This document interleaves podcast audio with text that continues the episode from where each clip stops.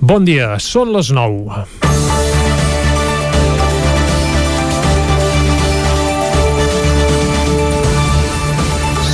Un gir durant les properes hores o dies, aquest divendres començarà la campanya electoral per a les eleccions nacionals a Catalunya. Bé, més que nacionals, n'hem de dir autonòmiques i de fireta, ja que tot plegat s'està convertint en un sainet que enmig com estem d'una pandèmia fa més pena que no pas gràcia. Tot va començar dijous passat quan el Tribunal Superior de Justícia de Catalunya va decidir mantenir de manera cautelar les eleccions pel 14 de febrer, després que la Generalitat presentés al·legacions contra la suspensió del decret que ajornava tornava als comicis el 30 de maig. La Fiscalia, per si algú tenia cap dubte, de seguida també es va posicionar a favor de les peticions dels recursos d'un particular i d'Izquierda en Positivo, que reclamaven la suspensió cautelar del decret. I què passarà ara? Doncs que el Tribunal Superior de Justícia ha detallat que dictarà la sentència definitiva abans del 8 de febrer, de manera que la decisió final es podria fer pública en plena campanya electoral. Els recursos que es puguin interposar ara, a més, no poden servir per aixecar les mesures cautelars preses i el rellotge electoral, per tant, segons la seva legalitat, no es pot aturar. I la Generalitat, i en aquest cas les eleccions, de nou en mans de tothom, menys dels catalans i dels seus representants. Us sona tot plegat? 155 en cobert? Digueu-n'hi com vulgueu, però el que està clar és que la Generalitat ja fa temps que s'ha convertit en una gestoria on pràcticament no es decideix ni es pinta res. Per acabar-ho d'adobar, a més, la setmana passada també es va conèixer la inhabilitació del conseller d'Exteriors, Bernat Soler, que precisament anava de número 2 a les llistes d'Esquerra Republicana a les comarques de Lleida. A Soler se l'acusa de posar les urnes durant l'1 d'octubre, quan era alcalde de Gramunt. Si inhabiliten a Soler, ja es poden anar calçant unes quantes dotzenes més d'alcaldes, ja que la llista d'inhabilitats pot ser molt llarga. I per cert, que la sentència sortís la setmana passada va ser casual? És evident que no. Cal ser molt ingenu per no veure que tot plegat és una maniobra per tal que Soler no pogués presentar-se a les eleccions. Per cert, que Esquerra Republicana en aquest cas sí que ha reaccionat ràpid i ha anunciat que la número 2 a Lleida serà Meritxell Serret, la consellera d'Agricultura a l'exili. I mentrestant, aquí, la Generalitat malviu instal·lada permanentment en la provisionalitat i el qui dia passa, any empeny. Aquí ja no decidim ni tan sols qui és o pot ser president, ni tampoc la data de les nostres eleccions. Abans, els cops d'estat els feien els militars. Ara ha canviat. Els militars s'ho miren, vacunats, això sí, i qui fa els cops d'estat són els jutges i fiscals. Comença Territori 17, a la sintonia del 9 FM, la veu de Sant Joan, Ràdio Cardedeu, Ona Codinenca i el 9 TV. Territori 17, amb Vicenç Vigues i Jordi Sunyer.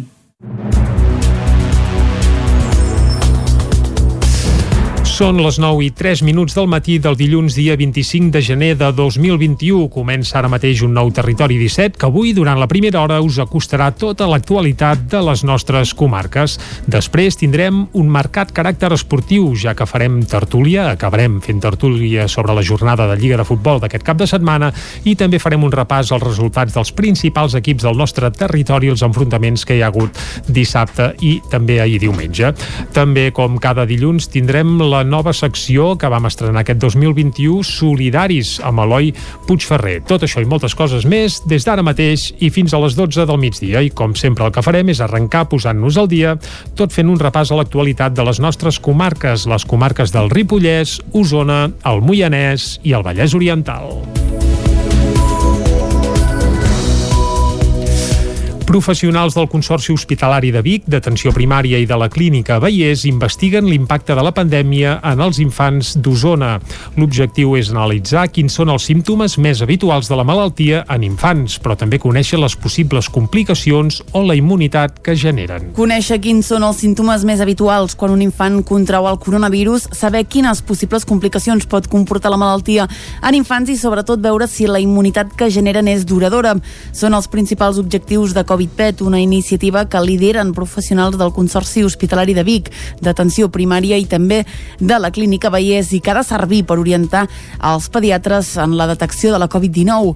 L'estudi es basa en 430 infants d'Osona, tots menors de 15 anys. Aquí, entre el març de l'any passat i aquest mes de febrer, se'ls ha realitzat una prova PCR. Montserrat Ruiz és pediatra del Consorci Hospitalari de Vic i reclutem tots els nens des de l'inici de la pandèmia, és a dir, des del març, durant 12 mesos. Tots els nens que els hem fet PCRs, positives o negatives, una mostra representativa, perquè tots evidentment és impossible, però eh, des del març de 2020 fins finals de febrer de 2021 per tenir tot un període d'un any i estudiar l'estacionalitat, és a dir, si els diferents virus estacionals influeixen, si, quines, quins canvis hi han hagut. El que a dia d'avui ja poden assegurar és que la irrupció de la pandèmia ha frenat en sec altres patologies habituals en infants com ara la bronquiolitis, un fet que atribueixen a l'ús de la mascareta, al rentat de mans i als grups bombolla. Anna Ricard és pediatra d'atenció primària.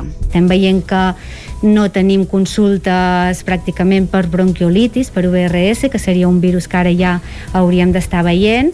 No hem tingut tampoc casos de, de grip, mm, pràcticament no n'hem vist i, i la resta de patologia que és de transmissió, sobretot respiratòria, és la que ha baixat més. Els resultats de l'estudi premiat amb la 21a beca d'investigació d'Osona es donaran a conèixer la primavera del 2022. La majoria de danys en infraestructures provocats pel temporal Glòria han quedat en l'oblit un any després d'aquell històric registre de pluges. A la comarca d'Osona queden pendents de reparació diversos camins rurals o diversos accessos, com el de la carretera C-17 a Montesquieu. Algunes afectacions, però, si menys no les principals, sí que han quedat resoltes, com el pas inundable de Santa Eugènia de Berga. El rastre del temporal Glòria va afectar tota la comarca. Algunes de les principals afectacions que va provocar la llevantada ja han quedat resoltes d'altres però encara hi esperen actuacions. Rius i Rieres es van endur tot el que trobaven al seu pas i també en va quedar afectada, per exemple, la línia R3 de tren. També van patir altres danys, carreteres, sobretot molts camins rurals. Un dels punts que encara espera una actuació definitiva és el pas inundable del Curri entre Vic i Santa Eugènia de Berga, on de moment sí s'ha millorat la pavimentació i la senyalització per evitar que s'hi passi si hi ha perill. En aquest punt, dos treballadors de l'Eport Gourmet hi van perdre perdre la vida el mes d'abril. Xavi Fernández és l'alcalde de Santa Eugènia de Berga qui accepti o, o doni el vistiplau al projecte de ser, a ser l'ACA, s'està treballant en un projecte en el qual hi hagi doncs, més una, una, una, una palanca com de formigó que estigui lliure per sota, o que hi hagi el mínim de, de pilars, no? per, per anar bé com a molt un, per subjectar-la, l'ideal seria cap, que la vegetació, troncs, etc pugui passar lliurement per sota mm. d'aquesta palanca. Els problemes amb aquesta passera van precipitar la creació d'un projecte per connectar Santa Eugènia i Vic. Els dos consistoris treballen per la creació d'un vial segur entre les dues poblacions. En un principi s'havia d'enllaçar a través de l'anella verda, però arran de l'accident es va considerar connectar les dues poblacions a través de la B520. Fabiana Palmero és la regidora d'Urbanisme de l'Ajuntament de Vic. Hi ha la barrera que explica quan està oberta i tancada, quan es pot passar, i mentrestant s'està treballant en Santa Eugènia per crear un carril bicicleta, eh, que de fet són més ells els promotors, perquè ha estat molt més en terme de Santa Eugènia que no en terme de Vic, i estem treballant conjuntament. Un any després, alguns projectes que encara estan per arranjar ja tenen solució. Sora acaba de rebre 93.000 euros per refer els tres ponts que el temporal va malmetre. Macias situa l'inici del projecte de desdoblament parcial de la R3 a la sortida de Vic aquest mateix any. El 16 de març de l'any passat, la Direcció General de Planificació Estratègica de DIF va aprovar el projecte bàsic que dibuixava l'ampliació d'1,1 quilòmetres de la via 2, que actualment mor a escassos metres de l'estació de Vic en direcció a Barcelona. Després de 10 mesos superant diversos tràmits administratius, la maqueta del projecte de construcció es troba en fase de supervisió, l'últim pas perquè aquesta millora en la infraestructura pugui ser una realitat. Des de la coordinació del Pla de Rodalies, Pere Macias apunta que l'objectiu és licitar i adjudicar aquest mateix any. Amb un cost aproximat de 10 milions d'euros, Macias remarca que es tracta d'una obra de poca complexitat, però que ha de permetre millorar la connexió amb Barcelona.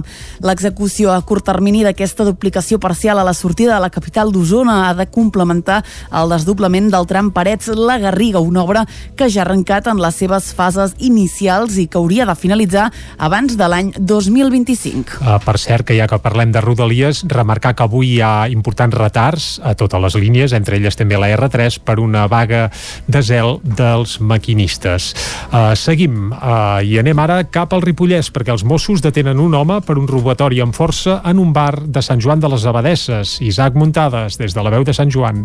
Els Mossos d'Esquadra de la comissaria de Ripoll van detenir la setmana passada un home de 26 anys de nacionalitat marroquina Martina i veí de Sant Joan de les Abadeses com a presumpte autor d'un delicte de robatori en força en grau de temptativa. Els fets van passar durant la nit del passat dimarts dia 19 de gener, quan la policia catalana estava patrullant per la capital del Ripollès. Cap a dos quarts d'onze de la nit van tenir coneixement que unes persones tenien retingut un home que havia entrat a robar a Cal Esteve, un bar cèntric de Sant Joan. Quan els Mossos van arribar al lloc on aquestes persones tenien el presumpte delinqüent retingut, aquestes li van explicar als agents que des de casa seva havien escoltat un fort cop al carrer i quan van baixar van veure la porta del magatzem oberta. Tot seguit van veure com una persona sortia de l'interior del bar i volia fugir corrents del lloc dels fets, però el van agafar. Els Mossos d'Esquadra van detenir el sospitós per la seva presumpta relació amb el robatori, però la investigació continua oberta perquè el detingut anava acompanyat d'una altra persona quan va entrar al bar. El detingut, que tenia antecedents, va passar dijous a disposició del jutjat d'instrucció en funcions de guàrdia de Ripoll, el qual va decretar la seva llibertat amb càrrecs. Al cap de setmana també va ser mogut a la comarca i els Mossos d'Esquadra van denunciar 24 joves que estaven fent una festa il·legal en un mas de les Llosses. La policia els va denunciar per haver incomplert les restriccions establertes arran de la Covid-19, les quals limiten les trobades i la mobilitat al municipi de residència.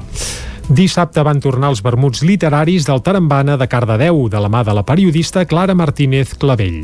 David Auladell, de Ràdio Televisió de Cardedeu. Tot i que l'horari no coincideix amb el permès d'obertura dels restaurants, aquest vermut literari va ser diferent. No hi havia vermut. D'aquesta manera va ser un acte cultural que es va poder fer presencial. El primer llibre del que s'ha parlat en aquesta temporada va ser El teu nom, de l'escriptora Clara Moraleda. És el primer llibre de contes de l'autora amb un estil sòlid, directe, vital i commovedor, ens descriu les relacions, l'amistat, l'amor, el desamor, la nostàlgia, el pas del temps o la mort. Tot un debut literari que ens recorda a James Salter la ironia de Caldés o cert intimisme confessional d'alguns contes de Rodoreda. Esports. El Calva es perd aquest dissabte un partit clau a la pista del Girona per 5 a 1. Estem parlant de l'Hockey Lliga. El partit d'anada, corresponent a la primera jornada, havia suposat una victòria pel rec amb Làser, que no s'ha pogut mantenir aquest cap de setmana. Caral Campàs, des d'Ona Codinenca.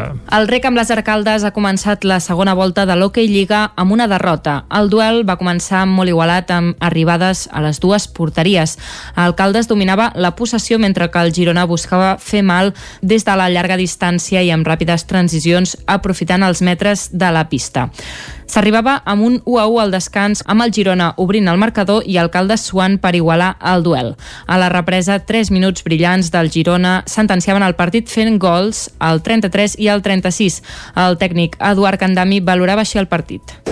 doncs dolenta, no? Al final hem perdut 5-1 penso que potser és excessiu el resultat, però jo penso que hem estat bé, la primera part estàvem, bueno, ens ha tocat portar el ritme del partit, el pes del partit penso que, que ens ha tota l'estona, tot el...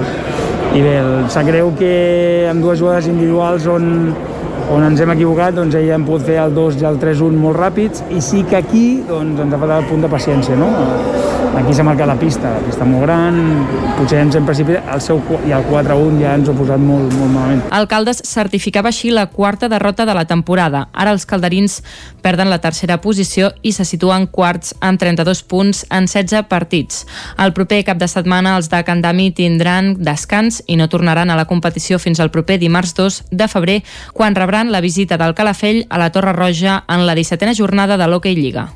I ja que parlem d'hoquei Lliga, avancem també que els altres dos equips de territori 17 que van jugar aquest cap de setmana van ser el Voltregà i el Taradell. El Voltregà ho va fer en victòria, el Taradell, en canvi, va perdre. Tot això ho repassarem a l'agenda esportiva, el repàs esportiu per saber com els van al cap de setmana els equips del nostre territori. Això ho farem a partir de les 10 del matí aquí a Territori 17 i seguim amb esports perquè el Carlos Gámez de Vigues i Riells es va proclamar campió d'Espanya de ciclocross aquest cap de setmana. El ciclista ha guanyat la competició estatal en la categoria cadet. Caral Campàs, des d'Ona Codinenca.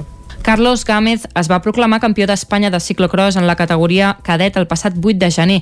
El jove ciclista de 15 anys va córrer al campionat estatal que es va celebrar a Cantàbria com a membre de la selecció catalana i el va guanyar. Gámez relatava així l'experiència. El primer de tot, que vaig, vaig tenir molt bones sensacions ja des del principi, encara que a començament la sortida em vaig quedar una mica pillat i no vaig sortir del tot bé, però després vaig començar a escapar-me amb dos nois, un es va quedar enrere i ens vam escapar. I fins l'última volta vam anar jo i ell, però ell ja li, com, li començaven a donar rampa i me'n vaig anar i així va ser com vaig arribar. El biguetà competeix des dels 5 anys i entrena 6 dies a la setmana no com a una obligació, sinó vivint vivint una passió. Ell i la seva família han rebut la victòria amb una gran satisfacció i la felicitat del mèrit reconegut. Gámez explicava el seu pròxim repte. És ara que ara aquest any, al, al juliol, tinc el campionat europeu de, però de mountain bike, de cross country, i, i a veure com va, a preparar-ho. A més curt termini, el 27 de febrer haurà de competir per la Copa Catalana Internacional de BTT a Banyoles. I fins aquí el butlletí informatiu que us hem ofert amb les veus de Clàudia Dinarès, David Auladell, Caral Campàs i Isaac Muntades. I ara el que toca és fer una ullada a la situació meteorològica.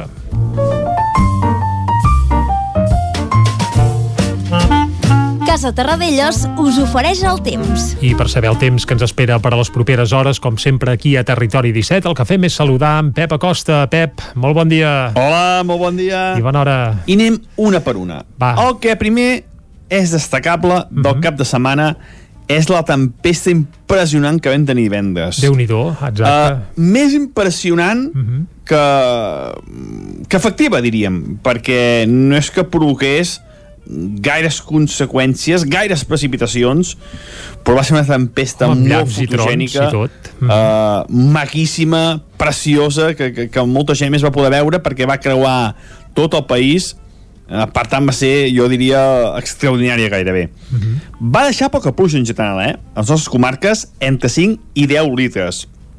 Però atenció, va deixar, a tot Catalunya, això sí, no, no, no només a les nostres comarques, 2.099 llamps, que des de 2004, que es comencen a registrar a Catalunya, en un mes de gener no se n'havien registrat mai tants en un sol dia. Per tant, això és una, una dada molt important.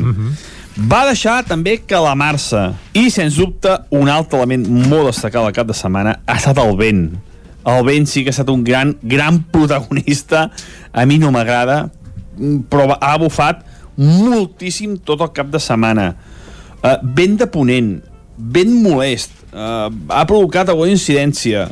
Per sort, no molt importants, però podia haver provocat incidències més greus, eh? per sort, per sort, com deia abans, no ha sigut uh, incidències molt destacables. Cops de vent de divendres. Estic parlant de divendres, ara, eh? Sí, sí. 84 a Vilagrau, 104 a Ull de Ter o 100 km per hora de Muntanyola. A més, va bufar en zones poc habituals. Uh, hi ha zones que és molt habitual que bufi, sobretot d'alta muntanya, el vent, però quan bufa en zones no habituals tan fort és quan és perillós. Dissabte, també, déu nhi com va bufar. 71 km per hora a Muntanyola, 52 a Parets. El primer va afluixar, però aquesta zona, eh, aquesta zona del, entre el sud d'Osona i, el, i el Vallès Oriental no va parant tot el cap de setmana gairebé perquè la nit de dissabte a diumenge es va tornar a reforçar i van haver cops de 79 km per a Caldes, 68 a Ull de Ter o 47 a Vic. Ja veieu que ben bé fins diumenge al matí i migdia no va afluixar. Vam estar moltes hores en aquest vent molt intens, vent de ponent. Aquesta setmana serà tot el contrari del cap de setmana. Una setmana molt tranquil·la, amb molt pocs elements meteorològics. I una cosa destacable. Quina? Tindrem gairebé primavera 4 o 5 dies. Carai. Però ja el parlem més endavant. Avui dilluns, anem pel dia d'avui. Temps molt tranquil. El vent començarà a fluixar. Mm, com a molt hi haurà alguna ratxa moderada. Matí tranquil. Temperatura màxima avui aquesta la temperatura màxima no començarà a pujar encara, serà molt semblant a l'ahir, potser una mica més baixa màximes que voltaran els 13, 14, 15 graus al prelitoral entre els 10 i els 12 a l'interior. A l'acabanci del dia es anirà tapant. Ens passa un petit front, molt poca cosa, i a l'acabanci del dia es anirà tapant una mica. I pot ploure. A la tarda, petits gruixats, molt poca cosa, com a molt d'un a 5 litres, cap a Osona, Ripollès i també a zona del Montseny. Neu a partir d'uns 1.200-1.300 metres. Les temperatures mínimes força suaus, no ha glaçat a moltes zones, ni molt menys tenim la situació de grans glaçades de fa només una o dues setmanes. Moltes gràcies i ens escoltem demà. Adeu. Vinga, Pep, moltes gràcies a tu. Estarem al cas de, de la situació meteorològica i esperarem aquesta espècie de primavera que ens augures per d'aquí uns dies. Ja estaria bé una mica d'escalfor de, després de la fredurada eh, que hem tingut aquests primers dies de, de gener. Ara el que ens toca és anar cap al quiosc i repassar les portades d'avui. Casa Tarradellas us ha ofert aquest espai.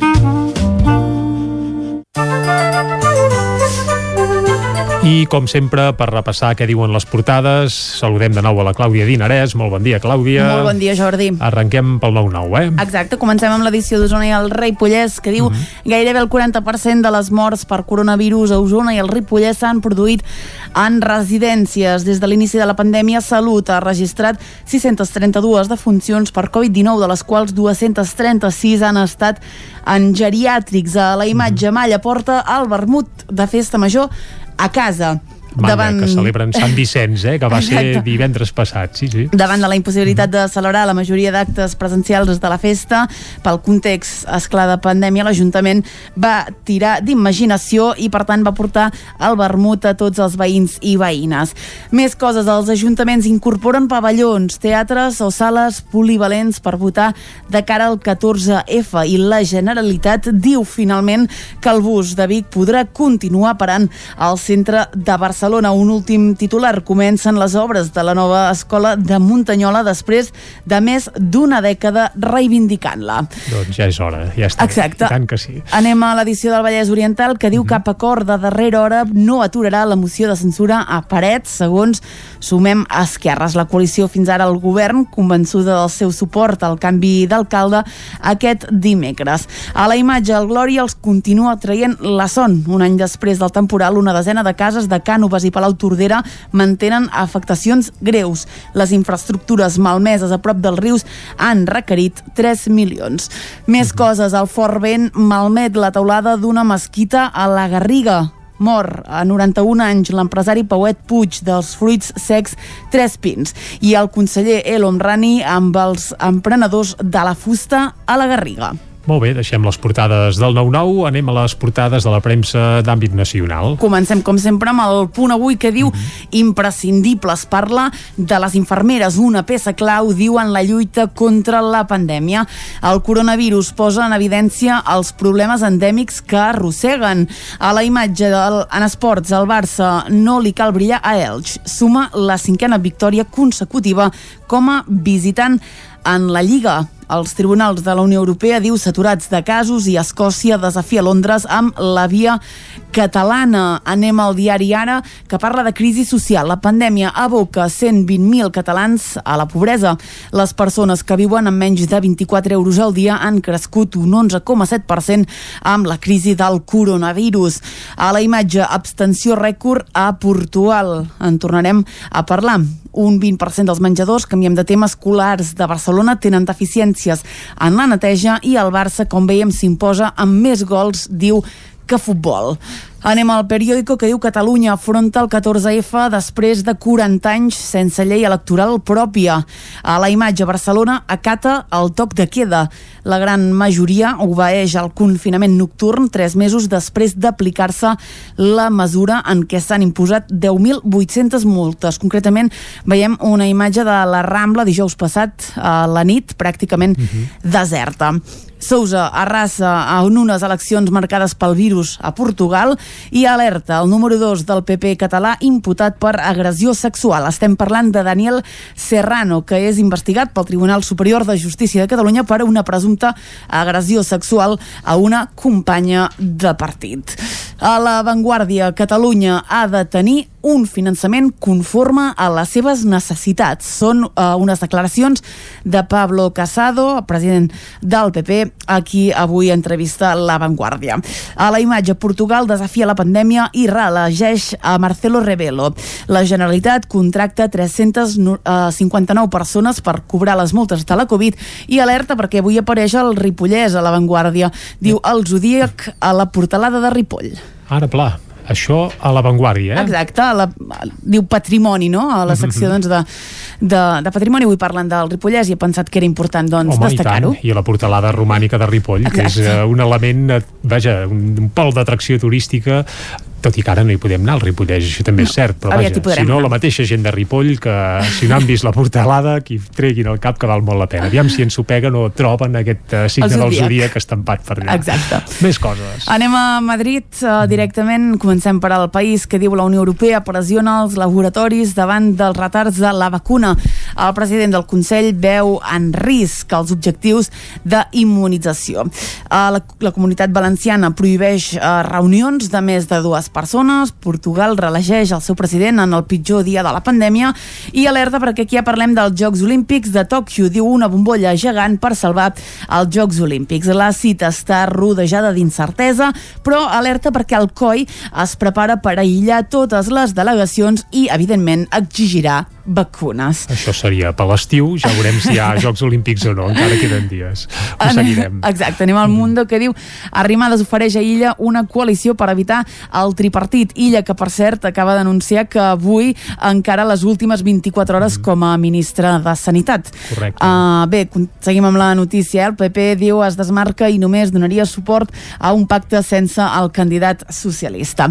Portugal vota en plena pandèmia. Madrid farà servir drons per vigilar les zones confinades i avui també destaquen unes declaracions del responsable electoral de Podemos davant del jutge que diu que mai va sentir parlar de Neurona en tota la campanya de l'any 2019. Anem a la raó ràpidament que diu el no afecta illa i la caiguda de Ciutadans aboquen a un altre govern sobiranista.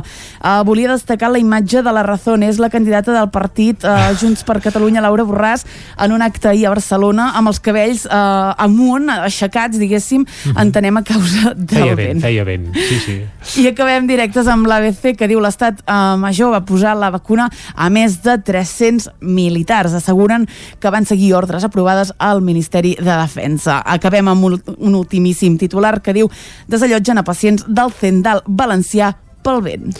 Doncs, Clàudia, moltes gràcies. I eh, després d'aquest repàs el que farem és una breu pausa aquí a Territori 17. Tornem a dos quarts de nou amb tota la informació de les nostres comarques. Fins ara mateix.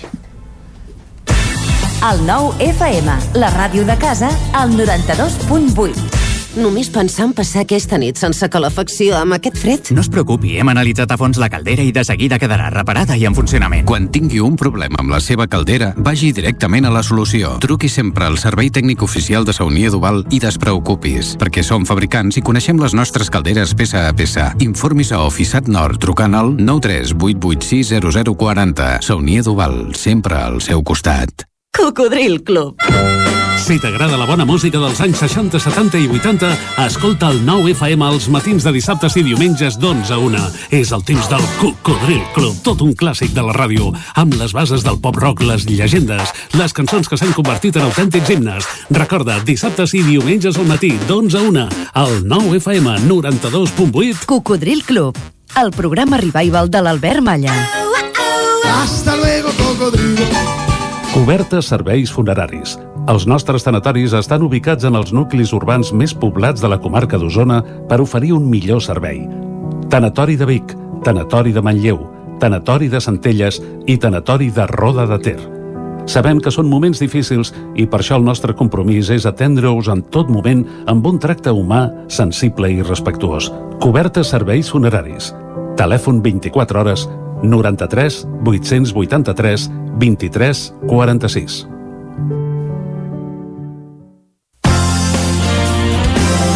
El nou FM, la ràdio de casa, al 92.8.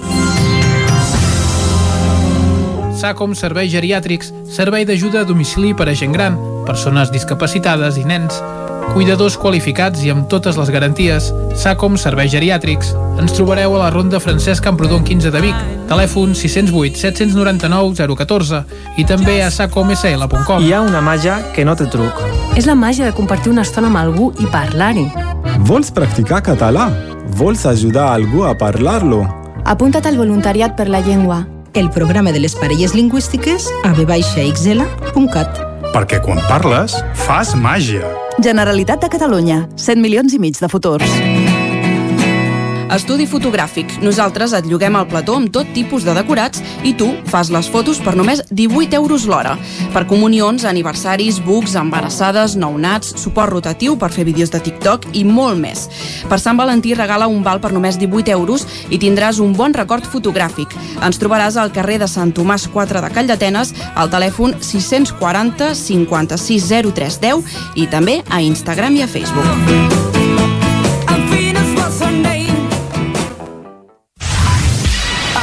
FM. Territori 17, amb Vicenç Vigues i Jordi Sunyer.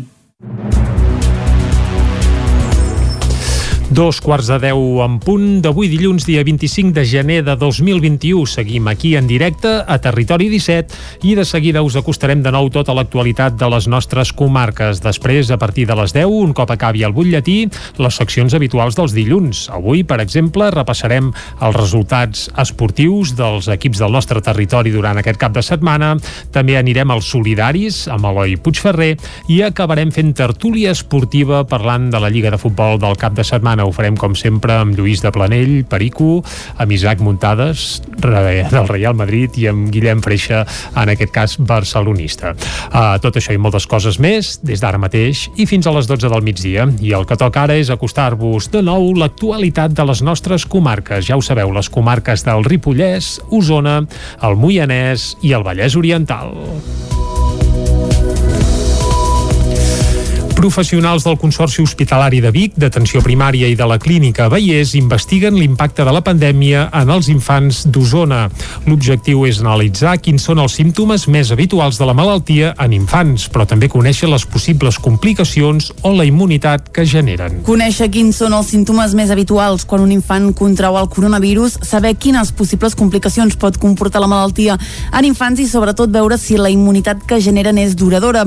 Són els principals objectius de Covid-PET, una iniciativa que lideren professionals del Consorci Hospitalari de Vic, d'atenció primària i també de la Clínica Vallès i que ha de servir per orientar els pediatres en la detecció de la Covid-19. L'estudi es basa en 430 infants d'Osona, tots menors de 15 anys. Aquí, entre el març de l'any passat i aquest mes de febrer, se'ls ha realitzat una prova PCR. Montserrat Ruiz és pediatre del Consorci Hospitalari de Vic. I reclutem tots els nens des de l'inici de la pandèmia, és a dir, des del març, durant 12 mesos. Tots els nens que els hem fet PCRs, positives o negatives, una mostra representativa, perquè tots evidentment és impossible, però eh, des del març de 2020 fins finals de febrer de 2021, per tenir tot un període d'un any i estudiar l'estacionalitat, és a dir, si els diferents virus estacionals influeixen, si, quines, quins canvis hi han hagut. El que a dia d'avui ja poden assegurar és que la irrupció de la pandèmia ha frenat en sec altres patologies habituals en infants, com ara la bronquiolitis, un fet que atribueixen a l'ús de la mascareta, al rentat de mans i als grups bombolla. Anna Ricard és pediatra d'atenció primària. Estem veient que no tenim consultes pràcticament per bronquiolitis, per URS, que seria un virus que ara ja hauríem d'estar veient. No hem tingut tampoc casos de, de grip, mm, pràcticament no n'hem vist, i, i la resta de patologia que és de transmissió, sobretot respiratòria, és la que ha baixat més. Els resultats de l'estudi premiat amb la 21a beca d'investigació d'Osona es donaran a conèixer la primavera del 2022. La majoria de danys en infraestructures provocats pel temporal Glòria han quedat en l'oblit un any després d'aquell històric registre de pluges. A la comarca d'Osona queden pendents de reparació diversos camins rurals o diversos accessos, com el de la carretera C-17 a Montesquiu. Algunes afectacions, però, si més no les principals, sí que han quedat resoltes, com el pas inundable de Santa Eugènia de Berga.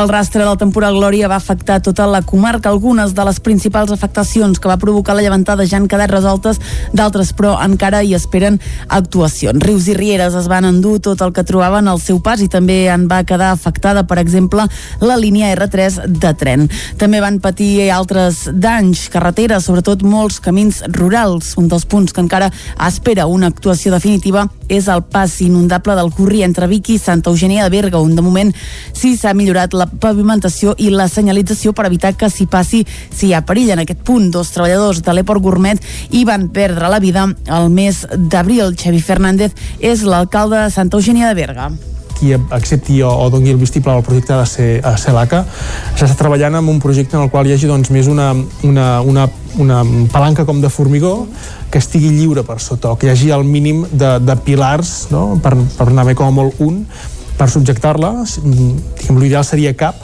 que la vegetació, troncs, etc pugui passar lliurement per sota d'aquesta palanca.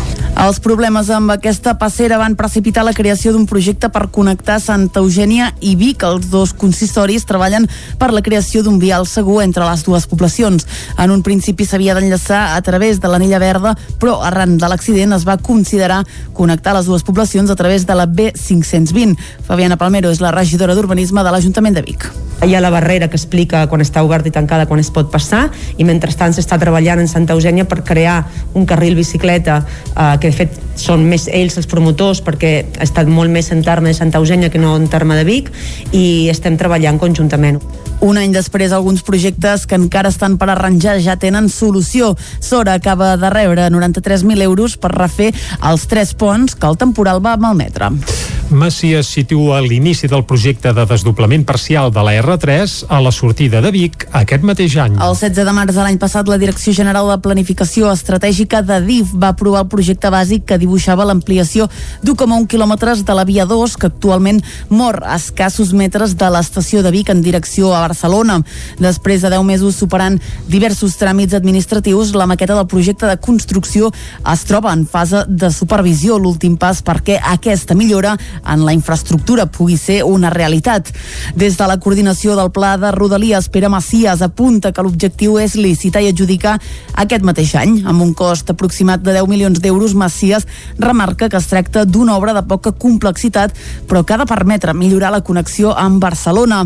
L'execució a curt termini d'aquesta duplicació parcial a la sortida de la capital d'Osona ha de complementar el desdoblament del tram Parets-La Garriga, una obra que ja ha arrencat en les seves fases inicials i que hauria de finalitzar abans de l'any 2025. Uh, per cert, que ja que parlem de Rodalies, remarcar que avui hi ha importants retards a totes les línies, entre elles també la R3, per una vaga de zel dels maquinistes. Uh, seguim uh, i anem ara cap al Ripollès, perquè els Mossos detenen un home per un robatori amb força en un bar de Sant Joan de les Abadesses. Isaac Muntades, des de la veu de Sant Joan.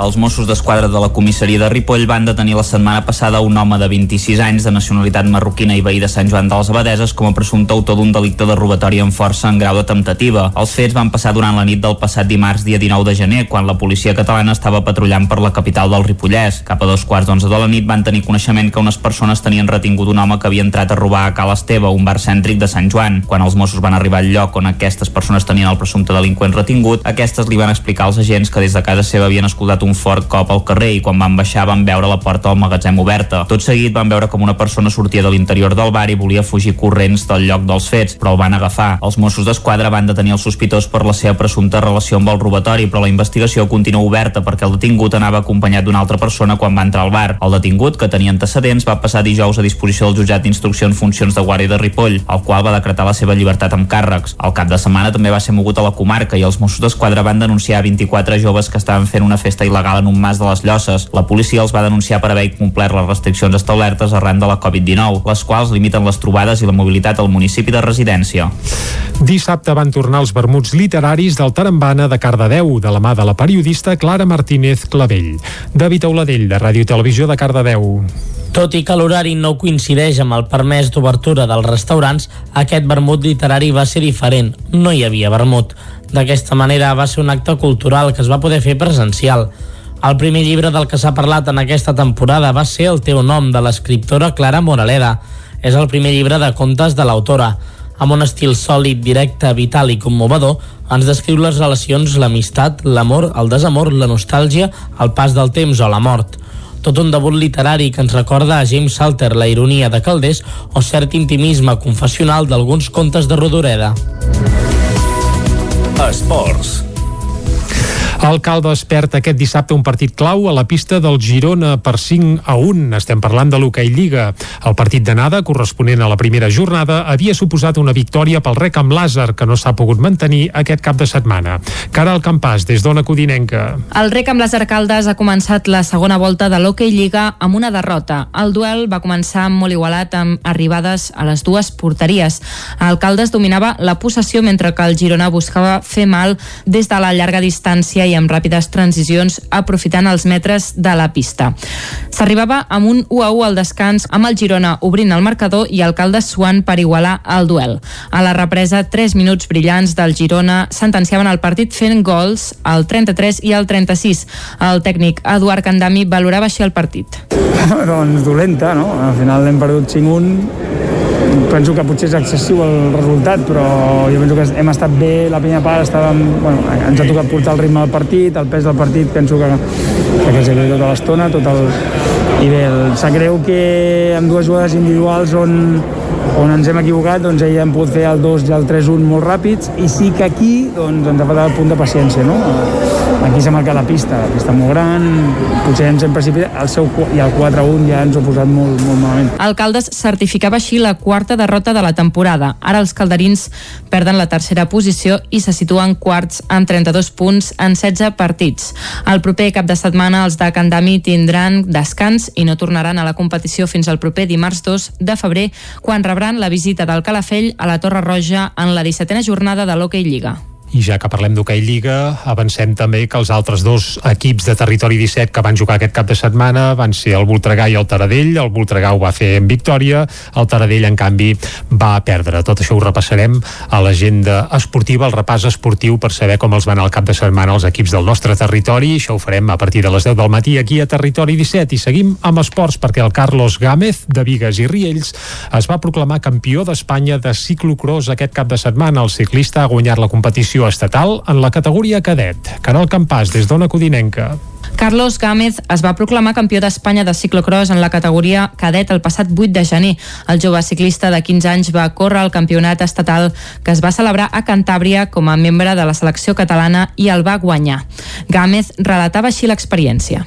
El primer de tot, que vaig, vaig tenir molt bones sensacions ja des del principi, encara que a començament la sortida em vaig quedar una mica pillat i no vaig sortir del tot bé, però després vaig començar a escapar-me amb dos nois, un es va quedar enrere i ens vam escapar dos. I fins l'última volta vam anar jo i ell, però ell ja li, com, li començaven a donar rampa i me'n vaig anar i així va ser com vaig arribar. El biguetà competeix des dels 5 anys i entrena 6 dies a la setmana no com a una obligació, sinó vivint vivint una passió. Ell i la seva família han rebut la victòria amb una gran satisfacció i la felicitat del mèrit reconegut. Gámez explicava el seu pròxim repte.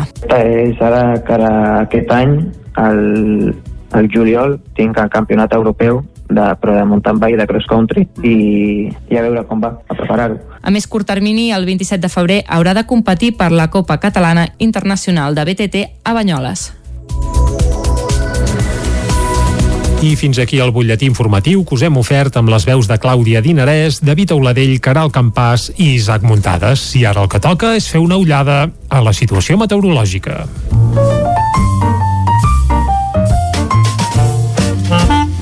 Casa Terradellos us ofereix el temps. I per saber el temps que ens espera per a les properes hores, com sempre aquí a Territori 17, el que fem és saludar en Pep Acosta. Pep, molt bon dia. Hola, molt bon dia. I bona hora. I anem una per una. Va. El que primer és destacable del uh -huh. cap de setmana és la tempesta impressionant que vam tenir divendres. déu nhi exacte. Uh, més impressionant uh -huh. que, que efectiva, diríem, perquè no és que provoqués gaires conseqüències, gaires precipitacions, però va ser una tempesta Amb molt fotogènica, tot. uh, maquíssima, preciosa, que, que, que molta gent més va poder veure perquè va creuar tot el país, uh, per tant va ser, jo diria, extraordinària gairebé. Uh -huh. Va deixar poca pluja en general, eh? A les nostres comarques, entre 5 i 10 litres. Però atenció, va deixar a tot Catalunya, això sí, no, no, no només a les comarques, uh -huh. 2.099 llams que des de 2004 que es comencen a registrar a Catalunya en un mes de gener no se n'havien registrat mai tants en un sol dia per tant això és una, una dada molt important uh -huh. Va deixar també calamarsa. I, sens dubte, un altre element molt destacat al cap de setmana ha estat el vent. El vent sí que ha estat un gran, gran protagonista. A mi no m'agrada, però ha bufat moltíssim tot el cap de setmana. Uh, vent de ponent, vent molest, uh, ha provocat alguna incidència. Mm -hmm. Per sort, no molt importants, però podia haver provocat incidències més greus, eh? per sort, per sort, com deia abans, no ha sigut uh, incidències molt destacables. Cops de vent de divendres, estic parlant de divendres ara, eh? Sí, sí. 84 a Vilagrau, 104 a Ull de Ter o 100 km per hora de Muntanyola. A més, va bufar en zones poc habituals. Uh, hi ha zones que és molt habitual que bufi, sobretot d'alta muntanya, el vent, però quan bufen zones no habituals tan fort és quan és perillós. Dissabte també déu nhi com va bufar 71 km per hora a Muntanyola 52 a Parets el primer va afluixar però aquesta zona, eh, aquesta zona del entre el sud d'Osona i, el, i el Vallès Oriental no va parant tot el cap de setmana gairebé perquè la nit de dissabte a diumenge es va tornar a reforçar i van haver cops de 79 km per hora a Caldes 68 a Ull de Ter o 47 a Vic. Ja veieu que ben bé fins diumenge al matí i migdia no va afluixar. Vam estar moltes hores en aquest vent molt intens vent de ponent. Aquesta setmana serà tot el contrari del cap de setmana una setmana molt tranquil·la amb molt pocs elements meteorològics i una cosa destacable quina? tindrem gairebé primavera 4 o 5 dies Carai. però ja el parlarem més endavant Avui dilluns, anem pel dia d'avui. Temps molt tranquil. El vent començarà a fluixar. Mm, com a molt hi haurà alguna ratxa moderada. Matí tranquil.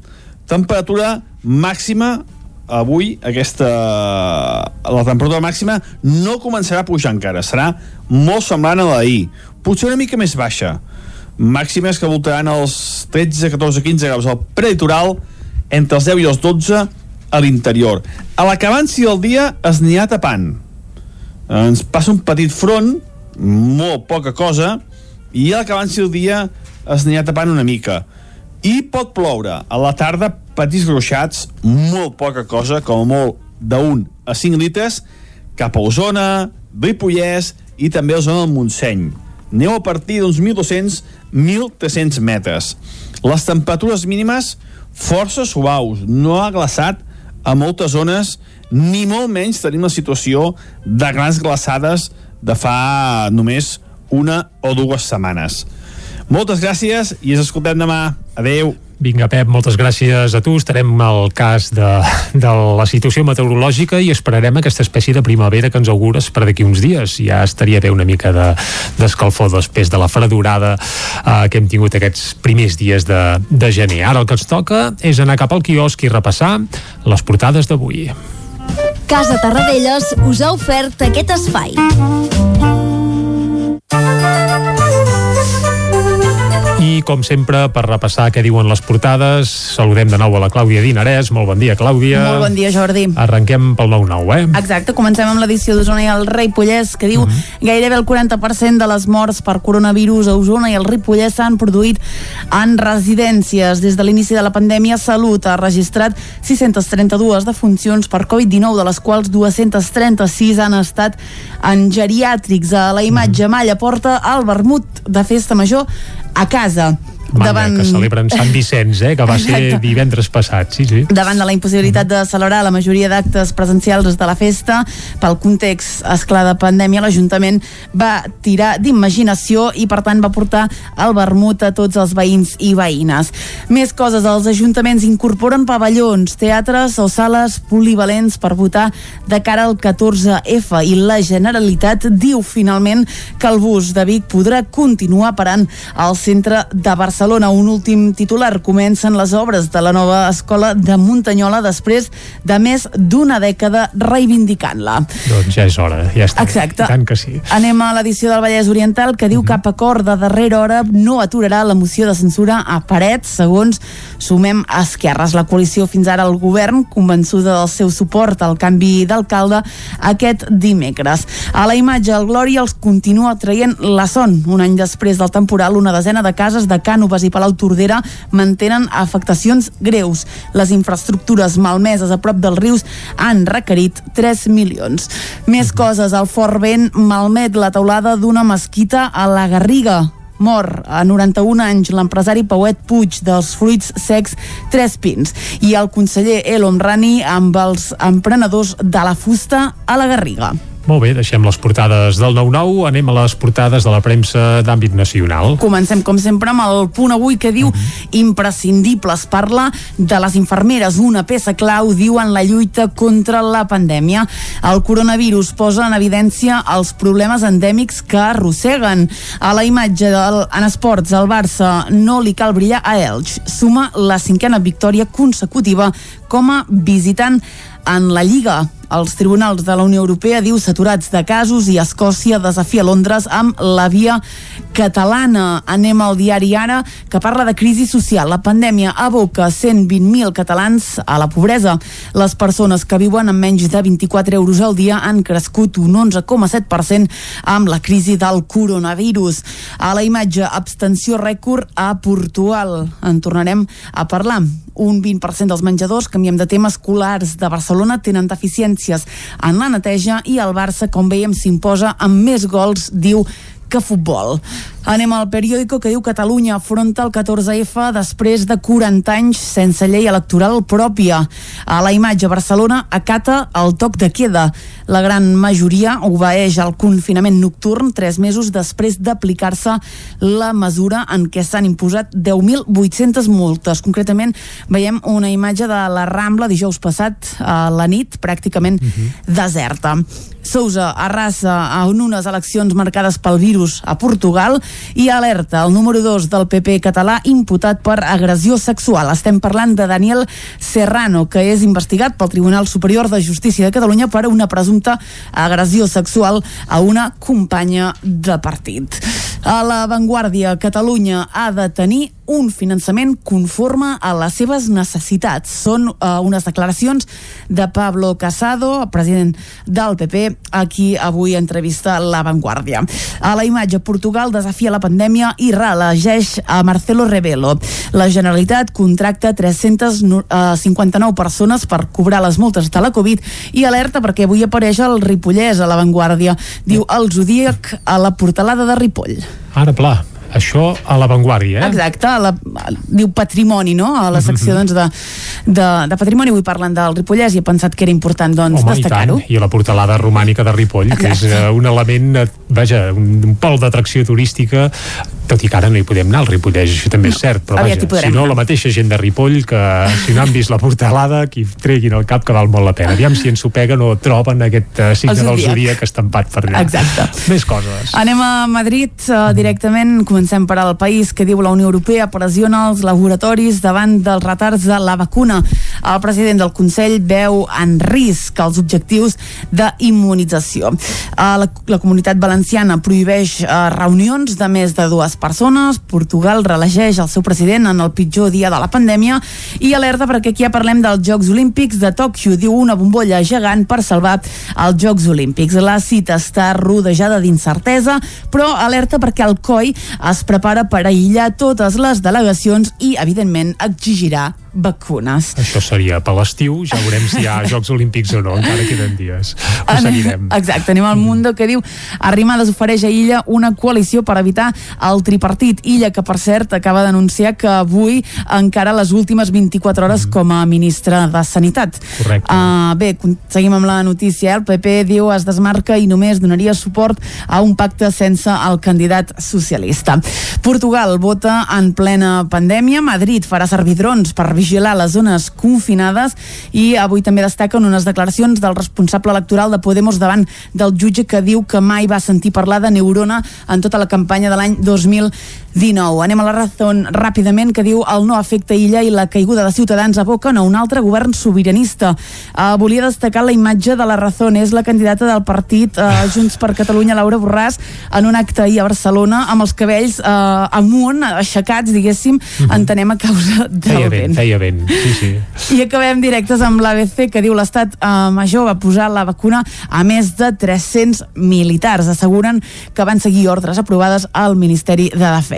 Acabem amb un, un ultimíssim titular que diu desallotgen a pacients del Zendal valencià pel vent. Doncs, Clàudia, moltes gràcies. I eh, després d'aquest repàs el que farem és una breu pausa aquí a Territori 17. Tornem a dos quarts de nou amb tota la informació de les nostres comarques. Fins ara mateix. És evident, és evident que tornem, tornem ja a ser aquí. Per tant, no tornem a, a dos quarts de nou ni de deu, sinó que tornem ara, quan falten sis minutets per les deu en punt, i ho fem, com sempre, amb música.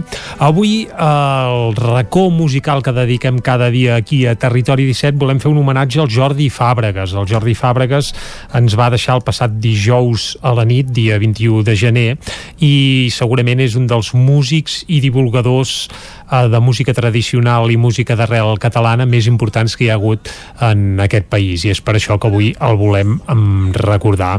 El Jordi havia impulsat eh, bé un multitud de formacions, multitud d'iniciatives. Ell, per exemple, és l'impulsor del CAT eh, a Barcelona, un espai on des dels anys 90 es programa música tradicional i música d'arrel, havia estat impulsor també de molts altres projectes, com per exemple el Festival de Música, eh, bé, multitud de festivals de música, eh, però per exemple la Fira d'Espectacles d'arrel tradicional de Manresa, el Mercè Folk, la trobada de música tradicional que es fa al Pallars, Saraus de Primavera, etc etc.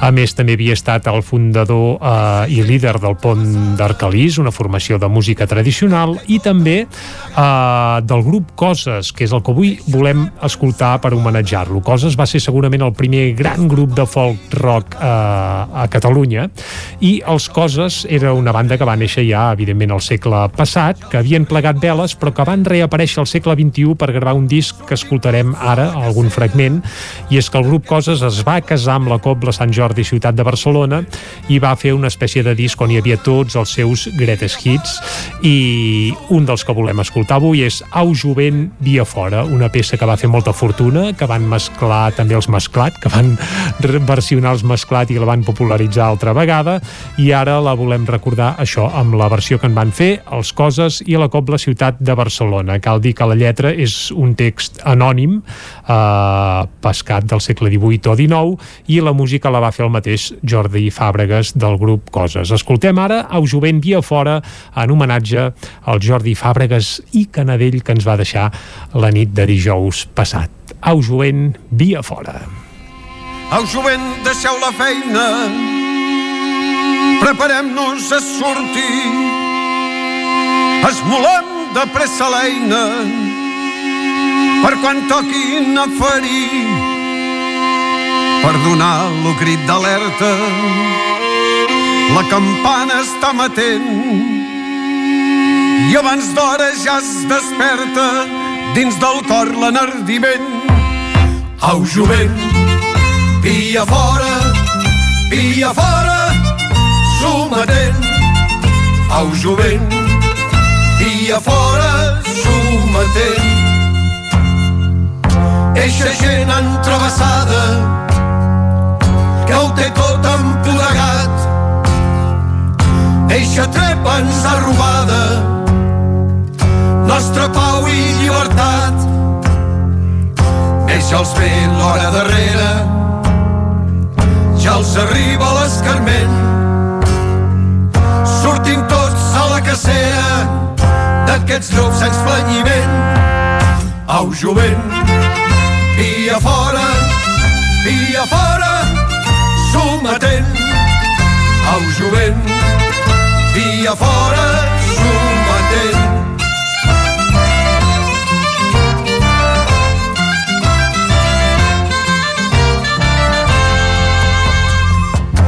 nostres feixes salvades amb afany hem conreat fins que a còpia de suades i hem fent néixer el nostre blat. Aquell blat nos és la vida, la família i té el sostén. I aquests lladres en partida, la collita ens van prenent. Au, jovent, via fora, via fora, sometent. Au, jovent, via fora, sometent.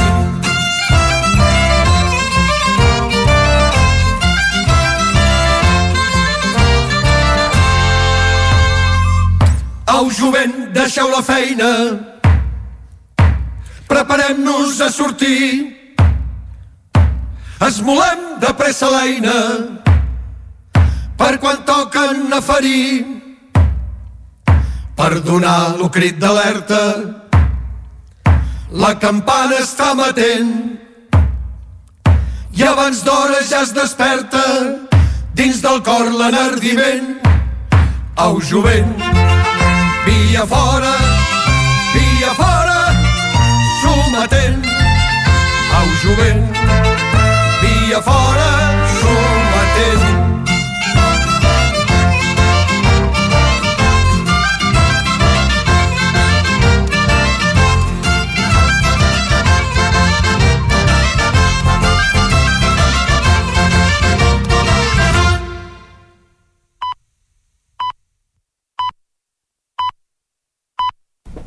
Torna la informació de les nostres comarques, les comarques del Ripollès, Osona, el Moianès i el Vallès Oriental.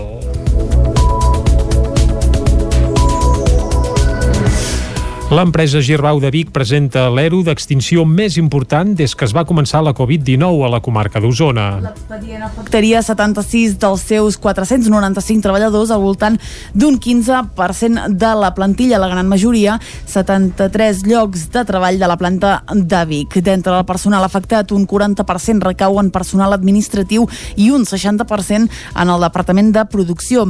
L'empresa apunta a causes econòmiques, tècniques i organitzatives per tirar endavant l'expedient.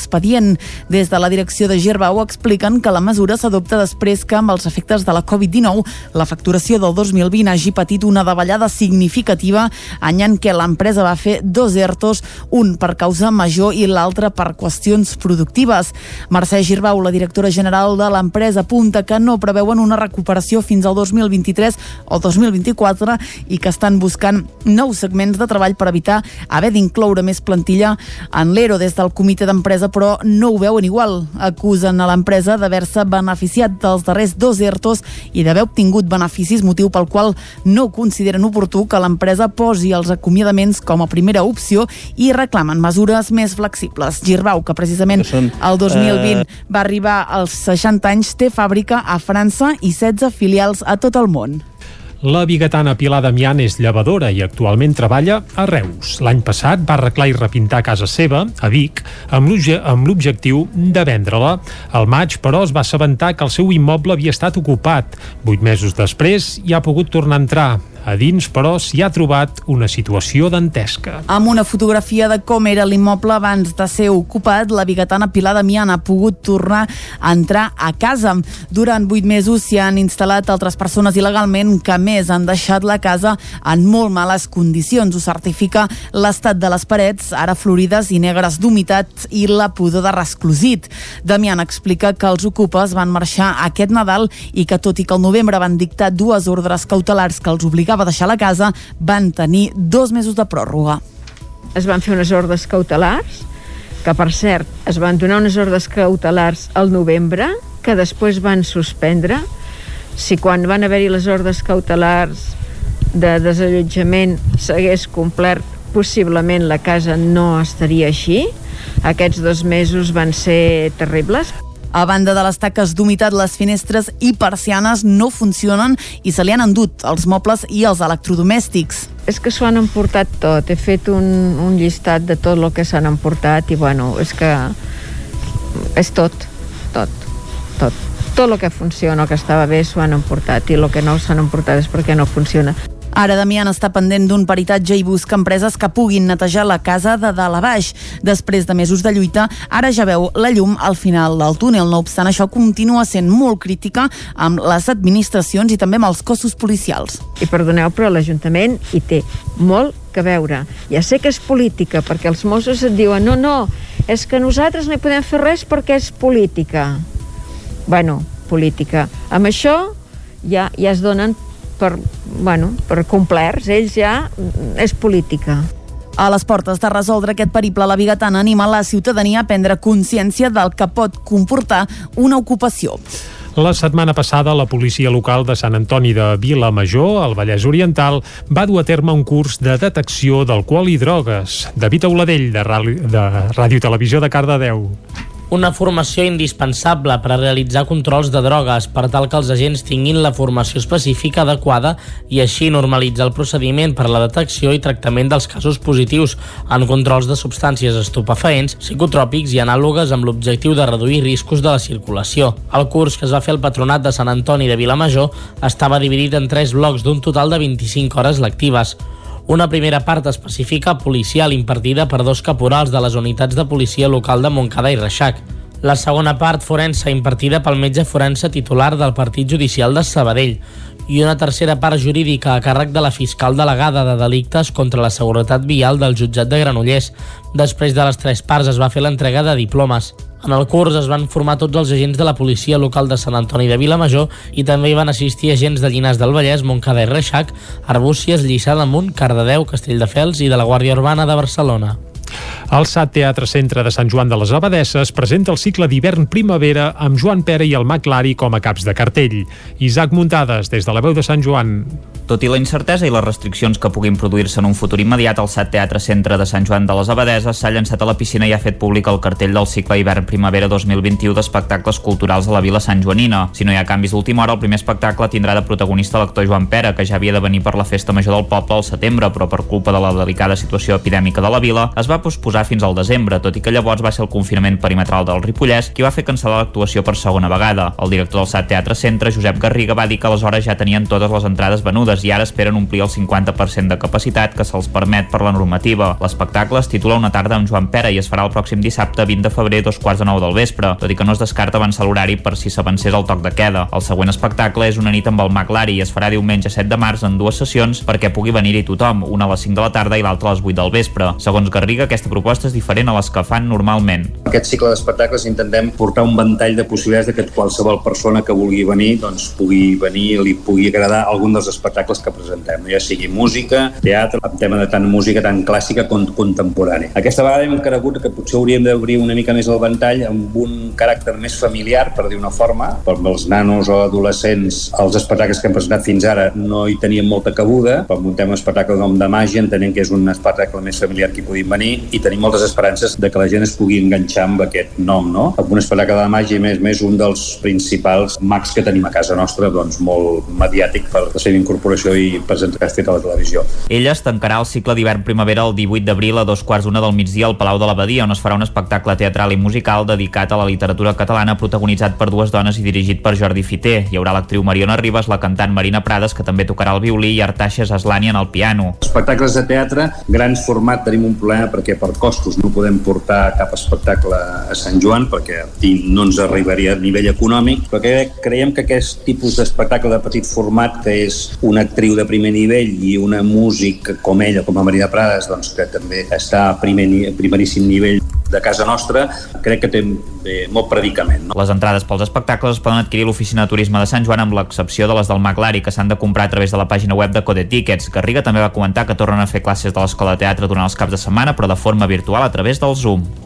En unes dates insòlites i amb un format híbrid entre presencial i telemàtic, ja està en marxa a Torelló el 38è Festival BBVA de Cinema de Muntanya. Les 36 pel·lícules de la secció competitiva es poden veure a través d'una plataforma en línia, mentre que el Teatre Sirvianum acull les activitats paral·leles com la nit temàtica dedicada al Tibet, que es va fer divendres, o la segona edició de la mostra de vins de muntanya, que es va fer dissabte. Un recorregut pel Tibet a través del cinema amb cinc testimonis obria divendres a la 30 38a edició del Festival de Cinema de Muntanya de Torelló. Acompanyats de projeccions cinematogràfiques i música de la zona, el tibetòleg Josep Lluís Alai, el periodista Toni Arbonès, l'alpinista Núria Balaguer, el crític de cinema Quim Casas i el lama tibetà Tuben Wangcheng van transportar els espectadors a aquesta regió autònoma entre la Xina i el Nepal. Dissabte el mateix teatre es convertia en una gran aula de tast en la segona edició del Torelló Mountain Wines, amb mesures sanitàries i la inscripció limitada a 75 persones al matí i 75 persones a la tarda, es va fer un tast guiat amb nou vins elaborats en alçada o en costers. El gastrònom Pep Palau i l'anòleg Dario Hodar continuen el tast al costat dels responsables dels cellers i acompanyats de les notes musicals del pianista Josep Maria Cols. Eduard Rifà és el coorganitzador del Torelló Mountain Wines i la veritat és que els vins de muntanya tenen això, que són eh, coses petites, curioses i que, que no sempre, sempre tenen l'altaveu per donar-se a conèixer i, i que nosaltres els hi servim com a aquesta altaveu doncs ens, eh, Califit no deixa de ser un dels objectius de la mostra. Les activitats paral·leles continuaran aquesta setmana. Demà dimarts, l'escriptor Enric Soler Raspall descobrirà la vall nepalesa de Mustang, on hi ha arrelat de ple la cultura tibetana. El palmarès del certamen es donarà a conèixer aquest divendres. I fins aquí el butlletí de notícies de les 10 que us hem ofert amb les veus de Clàudia Dinarès, David Auladell, Caral Campàs i Isaac Muntades. I ara abans d'anar cap a l'entrevista, avui per cert conversarem, conversarem amb el degà del Col·legi d'Advocats de Vic, Rogeli Montoliu. Doncs això, abans de saludar-lo, el que farem és recordar el temps que ens espera per a les properes hores.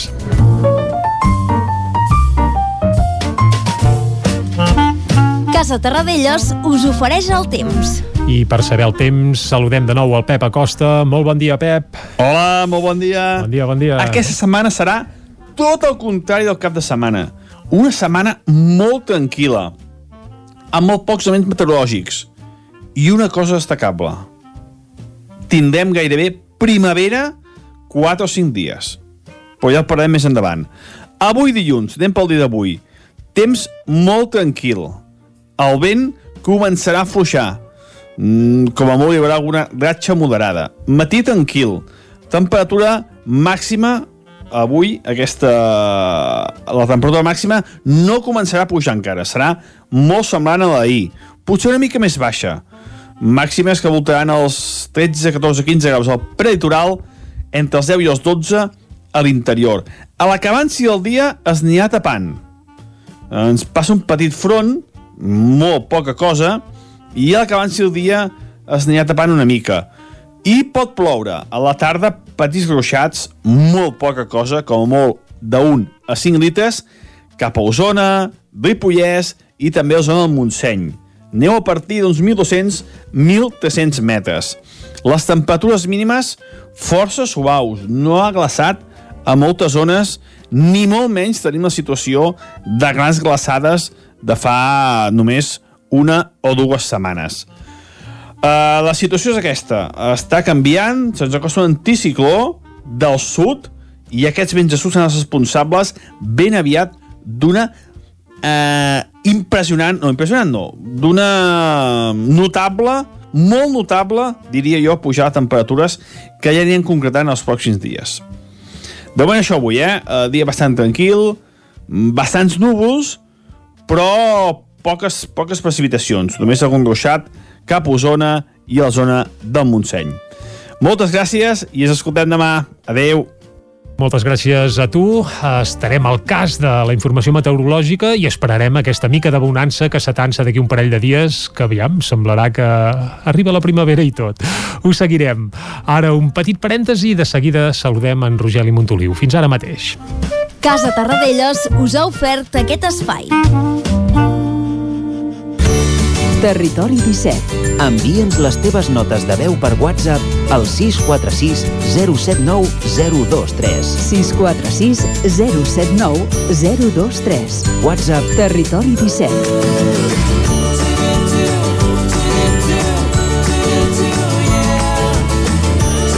Territori 17. Som a Facebook, Twitter i Instagram amb l'usuari Territori 17.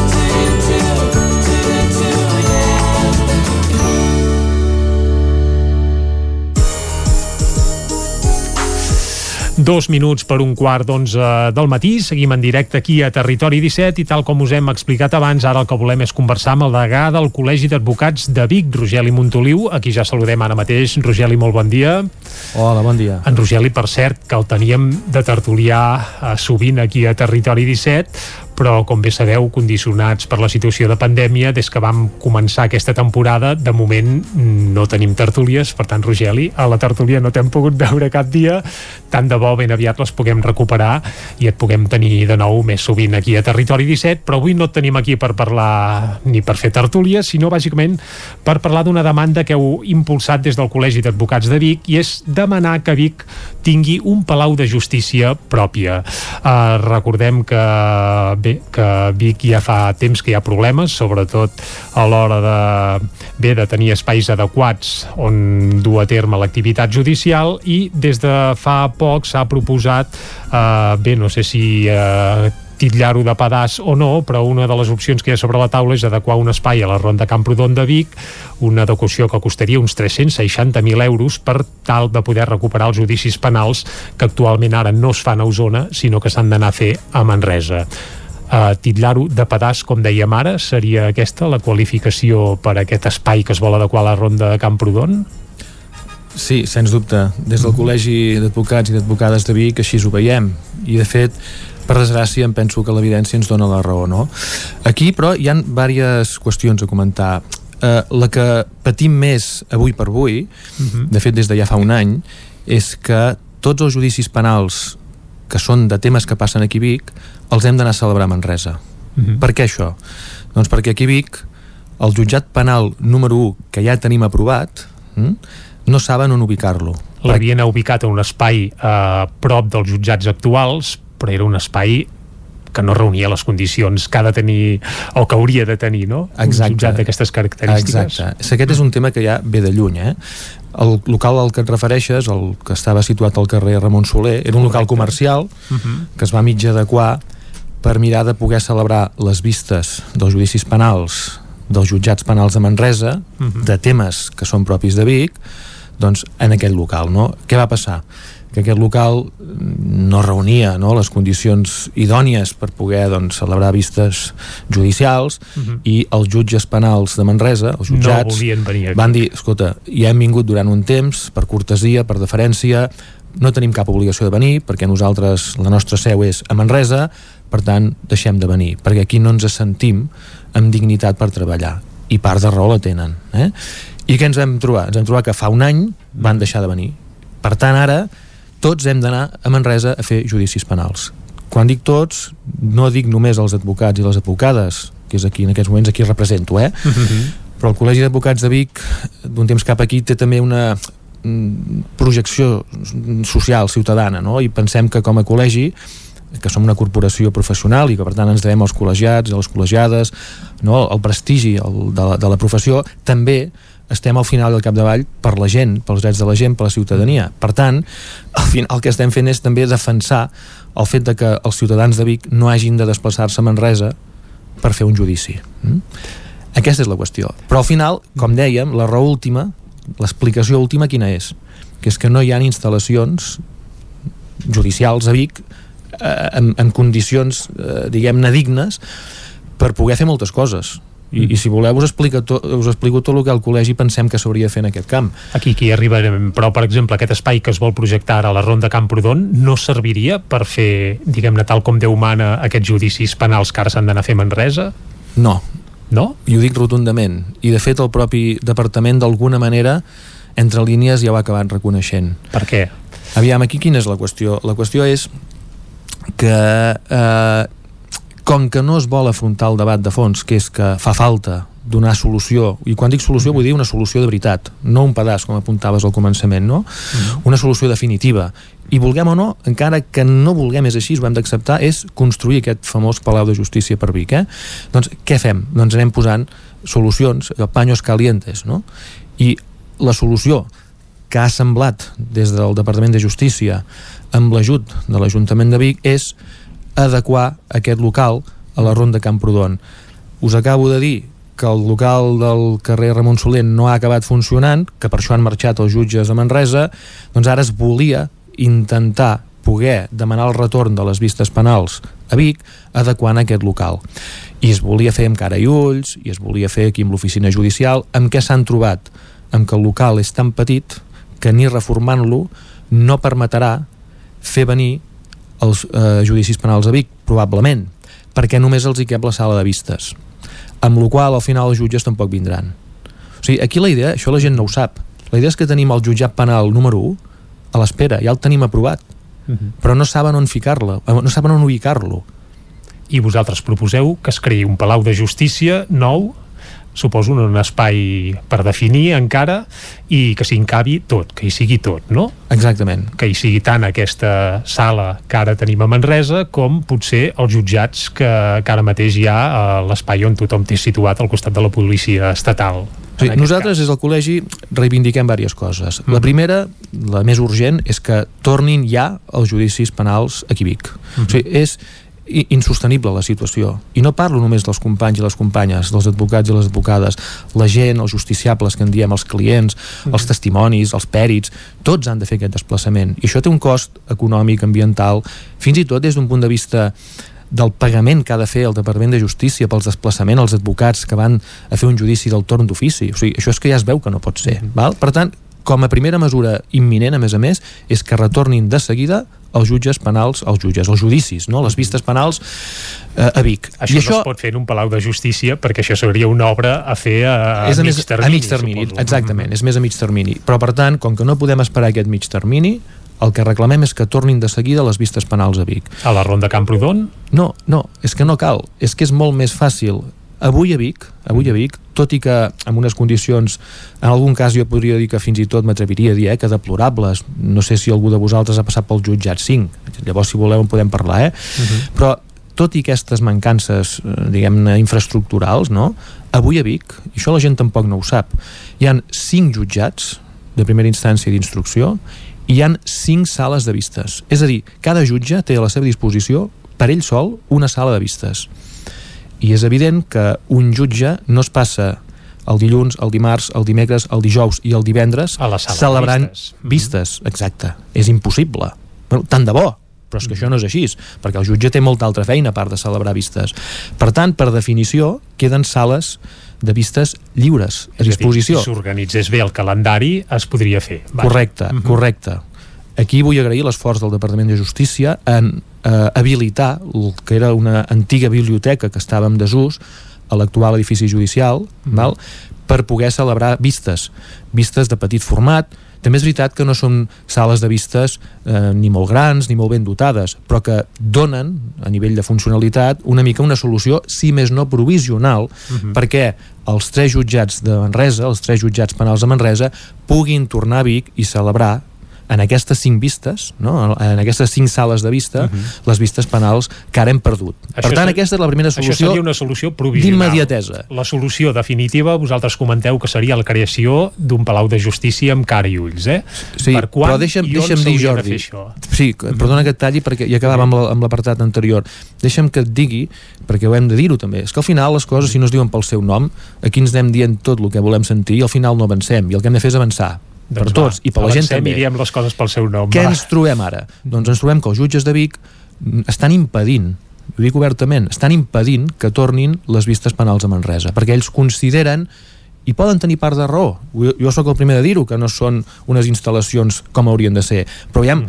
eh, que això sigui així d'acord, però que eh, haguem de fer passar a la ciutadania per haver d'anar a Manresa a fer uns judicis, que llavors a més a més arribaràs allà i suspendrà perquè faltarà un testimoni. I més amb la situació actual de pandèmia, que sovint I evitar desplaçaments de estaria bé. Sí, sí. I a més a més penseu que hi ha molta gent d'aquí Vic que no té possibilitat d'anar a Manresa amb cotxe particular i el transport públic és pràcticament inexistent o sigui, és que això és, això és, que és, un, és un galimaties tot això doncs a mi em sembla molt bé que els jutges de Vic d'aquí Vic considerin que no hi ha unes instal·lacions ideals per poder fer venir les vistes penals de Manresa, d'acord, però el que hem de veure és mm, quin és el valor superior a protegir? És el servei públic. Uh -huh. a la gent, a la ciutadania.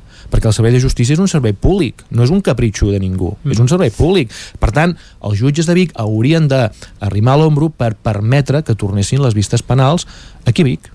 I no ho fan, no ho fan, s'hi oposen. Uh, anem al que comentàvem, Palau de Justícia, un nou Palau de Justícia. On s'hauria d'ubicar i quan ho veuries factible? Sí, no, ja, eh, torno a dir, aquesta no és una solució que ens agradi, però és l'única solució que és realment això, una solució. Per Mhm. tant, hem d'afrontar aquest debat i per tant hem de donar una sortida a aquesta necessitat. Val? Llavors, aquest Palau de Justícia, tal Al com nosaltres... ens queda clar, eh? Uh, opcions amb els jutjats que hi ha ara se'n podrien, se'n podrien buscar i d'espai, poc o molt, per anar tirant, uh, n'hi hauria. Aquí, amb una mica d'esforç, repeteixo, les vistes penals han de tornar, i no demà passat, han de tornar demà. Mm. Bueno, deixem-ho dir amb aquests... Eh, no, no vindran demà, eh, que la gent no malinterpreti, No, no, ja però és que és una Sí, sí. qüestió... És que la situació és insostenible. Mm-hmm. Un dia es matarà un advocat, una advocada d'ofici a la carretera i llavors tothom, tothom s'alarmarà i tothom eh, es, es lamentarà i, i això fa molt temps que ho estem anunciant. Passarà alguna cosa algun dia i és innecessari. Tornem a lo, a, a, a lo que em demanaves. Mhm, Palau de Justícia. Palau de Justícia, què ens permetria? Ens permetria, fixa't Jordi, no només tenir els cinc jutjats que ja tenim ara que estan en funcionament, i a més a més tenir-los en condicions, sinó tenir el sisè, que ja està aprovat i que no saben on ficar-lo. 1 a 0. 2 a 0. Podríem reclamar ja no només el jutjat penal número 1, que ja el tenim també, però que no saben on ficar-lo, Mhm. sinó també el número 2, perquè això tampoc la gent no ho sap. A Manresa en tenen no un, no, ni dos, en tenen tres de penals. I allà porten els temes de Manresa i els de Vic. I resulta que de temes de Vic estem parlant de l'ordre d'un 43%, amb la qual per definició ja es veu que amb un sol jutjat penal a Vic no en tenim prou, mm. perquè l'any demà quedarà col·lapsat. Per tant, en necessitem dos. Si ja no sabem on posar-ne un, on en posarem dos? Necessitem el Palau de Justícia. Jutjat de lo social, que en diem. El jutjat de lo social és el jutjat que coneix d'assumptes tipus eh, eh, acomiadaments, no? tema laboral, o tema de pensions de la seguretat social. A Manresa en tenen un. A Granollers en tenen tres. A mi que algú m'expliqui el per què a Vic no en tenim cap. Bueno, l'explicació és que no saben on posar-lo. Aquest no està ni creat. Però és que clar, com vols que el creïn si no sabran ni on posar-lo? Uh, N'heu parlat, per cert, amb l'Ajuntament de Vic d'aquesta problemàtica, perquè, clar, suposo que l'ideal seria que l'Ajuntament cedís uh, un espai, un solar, i la Generalitat, en aquest cas el Departament de Justícia, s'encarregués de, de fer el, el Palau de Justícia. No sé si hi ha res lligat, si hi ha algun pas fet o no. Sí, sí, sí, evidentment hi han converses. Jo també he de dir que les administracions mm, no acaben de fer els deures. Aquí tenim tres administracions implicades. El Ministeri de Justícia de l'Estat, no? Mhm. que es responsabilitza, diguem-ne, d'organitzar eh, el que és l'administració de justícia a nivell de jutges i secretaris judicials, ara en diem lletrats de l'administració de justícia. Un, dos, el Departament de Justícia, que és qui s'encarrega d'organitzar no, també l'administració de justícia, els funcionaris, els, els, els edificis judicials, les seus judicials, i aquí, en el cas de Vic, tenim l'Ajuntament de Vic. L'Ajuntament de Vic, jo sempre ho dic, té la clau de volta de la solució al problema. Quin és el problema que tenim amb l'Ajuntament de Vic? i ho dic obertament també, per allò que deia abans, si no diem les coses tal com són, perdem el temps, que no hi ha sensibilitat amb aquest tema. Obrirem biblioteques, farem tuits, parlarem d'això, d'allò, del mercat medieval, que està molt bé tot això, s'ha de fer igualment, Mhm. però aquí no hi ha consciència de que la justícia és un servei públic. Uh, Rogeli, ho seguirem aquí a Territori 17 i aviam si aquest Palau de Justícia algun dia acaba sent una realitat. Moltes gràcies per acompanyar-nos avui, a uh, fer-la petar sobre aquesta demanda del Col·legi d'Advocats de Vic de disposar d'un Palau de Justícia propi per a la capital d'Osona. Nosaltres ara farem una breu pausa, tornem a dos quarts en punt aquí a Territori 17. Fins ara mateix. El nou FM, la ràdio de casa, al 92.8. A Vic, T52. Solucions personalitzades. Dissenyem i produïm màscares personalitzades per a empreses, clubs o col·lectius a partir de 10 unitats. Disposem de dissenys propis per a particulars. Aconsegueix fins a un 30% de descompte. T52. Ens trobareu al centre, al carrer 941 i també a l'Horta Vermella, al carrer Menéndez Pelayo 31. Més informació a t52.cat. Cobertes serveis funeraris. Els nostres tanatoris estan ubicats en els nuclis urbans més poblats de la comarca d'Osona per oferir un millor servei. Tanatori de Vic, Tanatori de Manlleu, Tanatori de Centelles i Tanatori de Roda de Ter. Sabem que són moments difícils i per això el nostre compromís és atendre-us en tot moment amb un tracte humà, sensible i respectuós. Cobertes serveis funeraris. Telèfon 24 hores 93 883 23 46. Hi ha una màgia que no té truc. És la màgia de compartir una estona amb algú i parlar-hi. Vols practicar el català o ajudar algú a parlar-lo? Apunta't al Voluntariat per la Llengua, al programa de les parelles lingüístiques a vxl.cat. Perquè quan parles, fas màgia. Generalitat de Catalunya. 100 milions... Anuncia't al 9FM. La màquina de casa. 9 3 8 8 9 4 9 4 9. Publicitat arroba al 9FM.cat. Anuncia't al 9FM. La publicitat més eficaç. El 9FM, la ràdio de casa, al 92.8. Només pensar en passar aquesta nit sense calefacció amb aquest fred? No es preocupi, hem analitzat a fons la caldera i de seguida quedarà reparada i en funcionament. Quan tingui un problema amb la seva caldera, vagi directament a la solució. Truqui sempre al servei tècnic oficial de Saunier Duval i despreocupis, perquè som fabricants i coneixem les nostres calderes peça a peça. Informis a Oficiat Nord trucant al 938860040. Saunier Duval, sempre al seu costat. La Fogonera, resistència gastronòmica. És un restaurant? És un rostidor? És La Fogonera, la cuina en directe des de GURB, on encarregues, ho vens a buscar i ara també t'ho portem a casa. La Fogonera, resistència gastronòmica. Ara amb la fogonera de dia amb aperitius, arrossos, segons plats i postres. I quan cau la nit, ens transformem en un popurri culinari. Burgers, pizza, pasta... Truca al 93 851 55 75 o entra a lafogonera.cat. La Fogonera, el teu aliat gastronòmic. El 9 FM, el 9 FM, el 9 FM, el 9 FM, el 9 FM. Dos quarts d'onze en punt, seguim en directe aquí a Territori 17 i el que toca ara és fer piulades i les repassem cada dia amb l'Isaac Moreno. Isaac, molt bon dia. Bon dia, Jordi. Va, com ho tenim avui, això? Doncs Animat? avui, sí, divertit. Comencem amb l'Arnau Tordera primer. Home, garantia d'èxit. I tant, cantant d'obeses, diu... Contribuyendo a fortalecer la frágil literatura catalana con este tuit redactado desde el bonito pueblo de Tona, en la lengua que buenamente nos cedieron los compatriotas castellanos y que nosotros, considerándola más innovadora y bella, rápidamente adoptamos como nuestra. Evidentment, aquesta piolada no pot passar desapercebuda, té respostes diverses. Andreu Monrós, magnífica exposición del gran autor de literatura catalana, don Arnau Tordera I, conocido también por su obra musical con el grupo globalista Obesas. Qué bonito, eh, Alex León, qué bonitos recuerdos me trae usted, don Arnaldo, Tona, el hospicio del castellano donde los zagales sueñan con ser el Cid y los mayores susurran las hazañas de don Pelayo. Los zagales. Los zagales, con sí. O Ledu Kamikaze. De todos modos, le recuerdo que ese hermoso pueblo desde del que escribe se llama Tonelada. Joan II of Catalonia. Ah, magnífica villa la de Tona, Florida donde las haya, capital de la comarca de Osona, digan lo que digan los habitantes de Beach. Acabat així amb CH. En fi, eh, tot en aquesta línia, divertit, si més no, el fil iniciat per, pel cantant d'obeses. Molt bé, més. Mercè Cabanes, periodista i alcaldessa de Taradell, diu quan exercia el periodisme tal dia com avui, cele... això era ahir, celebràvem el sant patró Francesc de Sales. Més que mai falta l'excel·lència en l'ofici per tal que la mentira no amagui la veritat. I llegim Andrew Marans a La Vanguardia. L'ha celebrat mai, el patró, Jordi, o no? No gaire. Ah, d'acord. Ai, gens, ja directament. Entès. Sí. Però bé, està bé. Sí, no sóc l'únic. Miquel R. Nosaltres tancats al poble i ells fent campanya amunt i avall. Surrealista, una mica sí. Pep Tines. Avui, ara m'he perdut. Estic veient força gent a les xarxes socials que valoren molt positivament la sèrie Lupin. No ho entenc. És molt fluixa. Molt. Moments bastant ridículs a tots nivells. En fi, una gata i un xin. Quina sèrie? Quina sèrie? Lupin, a Netflix. Val, no, no, no la conec. No.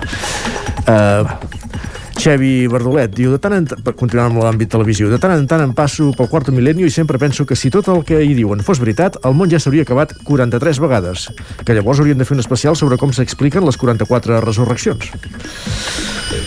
Pep Acosta, el nostre meteoròleg, Home, diu, ja sopant, cada, cada, ja sopant, cada vegada estic més integrat a l'horari europeu i m'agrada molt, això ho pilava abans de les 9 del vespre. Ahir. Xavi Febrer diu, Espanya mola tant que fins i tot la vacunació en una pandèmia mundial és can pixa. Quin país, eh? I incloc Catalunya en aquest cas. Àlex Roca, que té la seva batalla particular amb el tema de les vacunacions, diu si em toca anar a una mesa ja pot venir el nou cap de l'Estat Major de Defensa sense vacunar en persona arrossegar-me per un peu, que ni així penso anar, i penso anar. Uh, ja que estem en l'àmbit electoral, repetim Piolador, Xavi Bardolet, diu el sorteig de meses electorals sempre és un trasbals i aquesta vegada, el 14 de febrer, molt més. Ja veurem quantes al·legacions i quants positius s'hauran presentat d'aquí a una setmana. Tant costaria crear una borsa de voluntaris per fer el sorteig només entre els predisposats? No sé si hi hauria gaires voluntaris. El Xavi, que és regidor a Sant Pere, per tant, devia ser en aquest famós sorteig que es va fer ja. I acabem amb una piolada des del Moianès i des d'Esquerra de la Sílvia Mur. Diu, el ministre Salvindat Salvador, Salvador Illa plega en el pic més alt de la tercera onada de la pandèmia per centrar-se en la seva campanya electoral i ho fa com un acte de responsabilitat vers el país. Quan dipositeu el sobre una, eh, quan dipositeu el vot punt, eh, recordeu és que és molt divertit això del Twitter perquè tu fas un copy-paste del Twitter i en lloc de, de posar-te el dibuixet t'escriu sobre amb una fletxa superior apuntant cap avall amb el vot per això, oh, que bonic, que bonic. per això ara m'he perdut, bàsicament molt bé, fent aquest, un cop fet aquest repàs anem ara a veure què diuen i m'ho escriu en català, eh, el Twitter, això imagina't. fantàstic, això està bé, això està bé.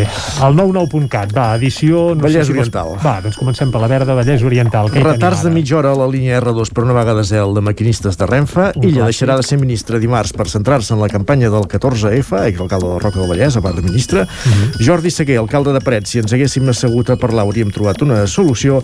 I Granollers i Mollet tanquen l'any de la Covid-19 amb un descens clar dels nivells de contaminació Uh, ara sí, ràpidament carreguem la portada vermella, la de l'edició d'Osona i el Ripollès. Els ajuntaments prioritzen pavellons i espais polivalents com a punts de votació el 14 de febrer.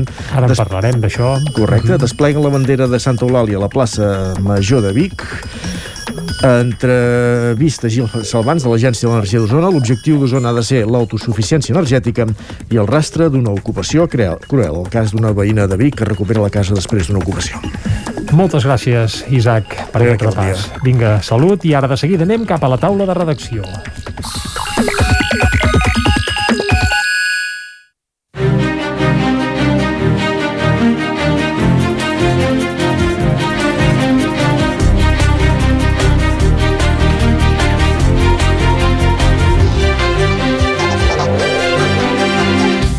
Una taula de redacció on avui tindrem el Guillem Freixa i la Txell Vilamala. Amb la Txell Vilamala analitzarem una dada sorprenent, bé, sorprenent no, però si més no significativa, i és que el 40% de morts que hi ha hagut per coronavirus a la comarca d'Osona han estat de gent que estava ingressada en residències. També ens acompanyarà el Guillem Freixa, amb qui parlarem de que s'incorporen pavellons i teatres com a col·legis electorals de cara al 14 de febrer. I comencem precisament parlant d'això darrer que comentàvem ara mateix amb el Guillem Freixa, qui ja saludem ara mateix. Guillem, molt bon dia. Bon dia. En comptes d'anar a votar a, bé, a escoles, es votarà també a pavellons sí. i teatres. Sí, um, si res no canvia ara mateix... El, Exacte, també el 14... fa de mal dir, eh? Perquè allò... El 14 de... és, podem... Això ara no sabem gaire, estem una mica en l'incertesa, perquè en fins, teoria, al, fins al 8, 8 de, febrer... de febrer hi ha termini perquè el Tribunal Superior de Justícia de Catalunya ho capgiri uh, o Sony. Um, Dependrà que... de com vagin les enquestes, potser, eh? però això seria un altre sí, tema. El que passa que uh, això suposa tot un embolic per als ajuntaments, perquè a l'espera que, com dèiem, d'aquesta decisió del 8 de febrer, sí que han de començar a treballar per tenir els llocs on es podrà anar a votar. I, I per què han d'analitzar aquests uh, llocs de votació? Per què han de veure si són els adequats? Doncs perquè han d'encaixar el protocol que s'ha uh, creat des de la Generalitat de Catalunya per tal que aquests punts de votació, que aquests centres de votació doncs segueixin tot uh, un seguit de criteris de, per frenar la, la pandèmia, que tinguin uh, un espai ampli, que hi hagi possibilitat de fer una ventilació, mm -hmm. de fer cues a l'exterior, de fer entrades i sortides uh, segregades de les persones que vagin a votar. Vaja, tot un, un seguit de, I de mesures. I m'imagino que també cal evitar a les escoles, on precisament sí. bé, estan obertes, els alumnes no, afortunadament de moment continuen continuen anant a estudi tots sí. i... No ho prohibeixen, no mm. prohibeixen votar en, en escoles, escoles, però recomanen que si pot ser es busquin espais alternatius mm. i en cas que es faci en escoles que es certifiqui eh, molt, doncs això, eh, que hi ha aquesta amplitud, que hi ha distàncies de seguretat, que hi ha aquests circuits mm. eh, diferenciats i això a la comarca d'Osona doncs es tradueix en la supressió, en afegir nous eh, emplaçaments, per exemple, a Vic.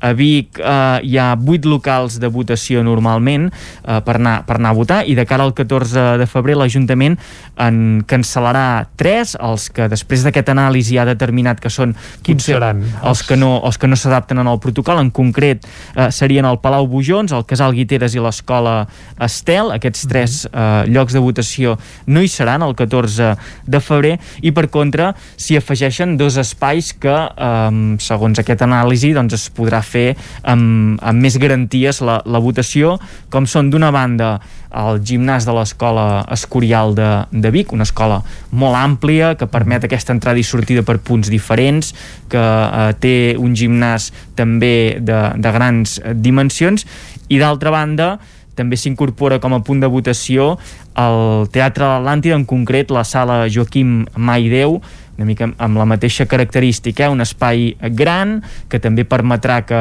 s'entri i es surti per diferents eh, punts, per tant que es pugui seguir aquest eh, protocol. En el cas, per exemple, de les escoles, a, a tots els punts de votació s'haurà de fer una desinfecció tant abans com després i mantenir una neteja constant durant tota la jornada. Però en el cas de les escoles, doncs s'hi haurà de posar eh, més esforços per desinfectar en, en la prèvia mm -hmm. i mhm. també després quan hi hagin de tornar els, eh, els nens i, i nenes a Torelló, a Torelló també hi ha canvis, en aquest cas són fins i tot més a fons els que es faran per, per anar a, a votar, ja que es canviaran els dos centres de votació habituals. Que són l'Escola Vall del Gès i en aquest cas l'Escola Fortià Solà, Exacte. on es feia habitualment. I el que faran serà doblar-se. Els electors que anaven a l'Escola Vall, de, Vall del Gès quedaran repartits entre l'Institut Escola Marta Mata i el pavelló de l'Institut Sirvianum, mentre que els que exercien a l'Escola Fortià Solà aniran al pavelló i a la sala polivalent, en aquests dos espais, també mm-hmm. buscant aquesta amplitud, també buscant aquestes, aquestes mesures de, de seguretat adequades i llavors trobem Manlleu que ha seguit una altra estratègia. A Manlleu es mantenen els punts de, de votació eh, habituals, que són les escoles de Casals Gràcia, el Carme, el Puigdegut i el Pompeu Fabra, així com també Can Puget, però el que es farà serà que a dintre d'aquests edificis tot estarà molt més espaiat. Eh, els punts de votació estaran molt més repartits per tot el centre, es reforçarà aquesta neteja, eh, s'aplicarà aquest protocol d'entrada i sortida eh, per diferents eh, mm. punts, per tant es garantirà que també es segueixin aquestes mesures eh, sanitàries que exigeix la, la pandèmia tot aquest eh, protocol, com dèiem, que també es eh, repetirà en, en altres municipis. GURB també traslladarà la votació als eh, pavellons, l'Esquirol eh, també. En el cas de Borgonyà no es eh, votarà al casal de Borgonyà, sinó que s'hauran de desplaçar al teatre. Per tant, hi haurà diverses modificacions per garantir que al moment d'anar a votar el lloc de votació sigui segur Ara, eh, com diuen els experts, ells no poden controlar què fa la població a fora d'aquest lloc de votació i aquí entrarà la responsabilitat de, de cadascú. I avui, ja per acabar, ens trobem en un dia important perquè a les persones que els hagi tocat anar a les meses... Ho sabran uh, avui, en principi. No, ho van saber no? entre divendres ah. i dissabte, però avui se sabrà uh mhm. -huh. quines proves uh, uh -huh. han de superar o se'ls hi farà per garantir que no hi han positius, que no hi han infeccions entre les persones que estiguin a les, a les meses, unes persones que de 9 a 12 rebran els votants dels col·lectius vulnerables, de les 12 a les 7 de la tarda rebran la població en general i de 7 a 8 sí que hi ha aquesta franja que ha generat molta controvèrsia perquè és l'hora destinada als eh, positius o contactes estrets de positius perquè aquestes persones puguin anar a votar. Això voldrà dir col·locar-se un equip de protecció individual amb tot el que comporta i estar exposat uh, més en el, en el virus. Per tant, haurem d'anar veient això, quin és el protocol per protegir aquestes persones de les meses, tant en aquesta hora com també per garantir que qui seu allà a la taula i va veient passar gent no, no estigui infectat. Uh, Guillem, tu creus que seran finalment el 14 de febrer? Sí? Um, ara mateix, si no són el 14 de febrer, l'embolic serà molt gros, perquè s'ha engegat una maquinària que costa diners, perquè costa diners tot això que s'està fent, i voldrà dir llançar les escombraries tota aquesta eh, feina. Jo crec que la RADA ja ve de, de tirar-les endavant de manera cautelar no? el, el, dimecres, el dimecres passat déu nhi quina situació, però bé, el tema és poder votar, fer-ho amb seguretat i, i tant de bo no s'hagin de lamentar uh, nous casos de coronavirus ni ens, en, vaja, ni ens capbussem de ple uh, amb la quarta onada ja i que no hi hagi una gran de... abstenció no? que també és la gran, més enllà sí. de l'amenaça mm. sanitària que és molt preocupant l'amenaça democràtica de que hi hagi un percentatge molt baix de, de persones que vagin a votar i que el resultat que n'acabi sortint doncs uh, sigui, uh, es pugui posar en dubte per aquest fet no? de que, a, a Portugal que van votar ahir l'abstenció ha estat notòria uh -huh. i mhm. força important és a dir que si ens ha de servir de paral·lelisme uh -huh. seria Exacte. una mica preocupant tot plegat uh -huh. Uh, Guillem, moltes gràcies Molt bé t'esperem d'aquí una estona a la tertúlia esportiva eh? després Exacte. per parlar d'un altre, sí, altre sí, sí. d'un altre tema també delicat que és la situació esportiva del Barça però això vindrà després ara saludem de seguida a la Txell Vilamala amb qui volem parlar d'una dada també significativa i és que el 40% de morts per Covid-19 que hi ha hagut a la comarca d'Osona era de gent que estava ingressada en uh, geriàtrics. Txell, molt bon dia. Bon dia, Jordi. És així, oi? Sí, exacte. Això torna a demostrar que la pandèmia s'ha carnissat sobretot amb la gent de més de 75 anys, que és també, a part de la de més edat, la que conviu amb, amb més patologies cròniques. En el cas d'Osona, com bé deies, aquest percentatge de defuncions en residències s'eleva fins al 37%, gairebé un 40%, tot i que el comportament no és igual eh, des del març fins ara. Hem, hem anat veient variacions.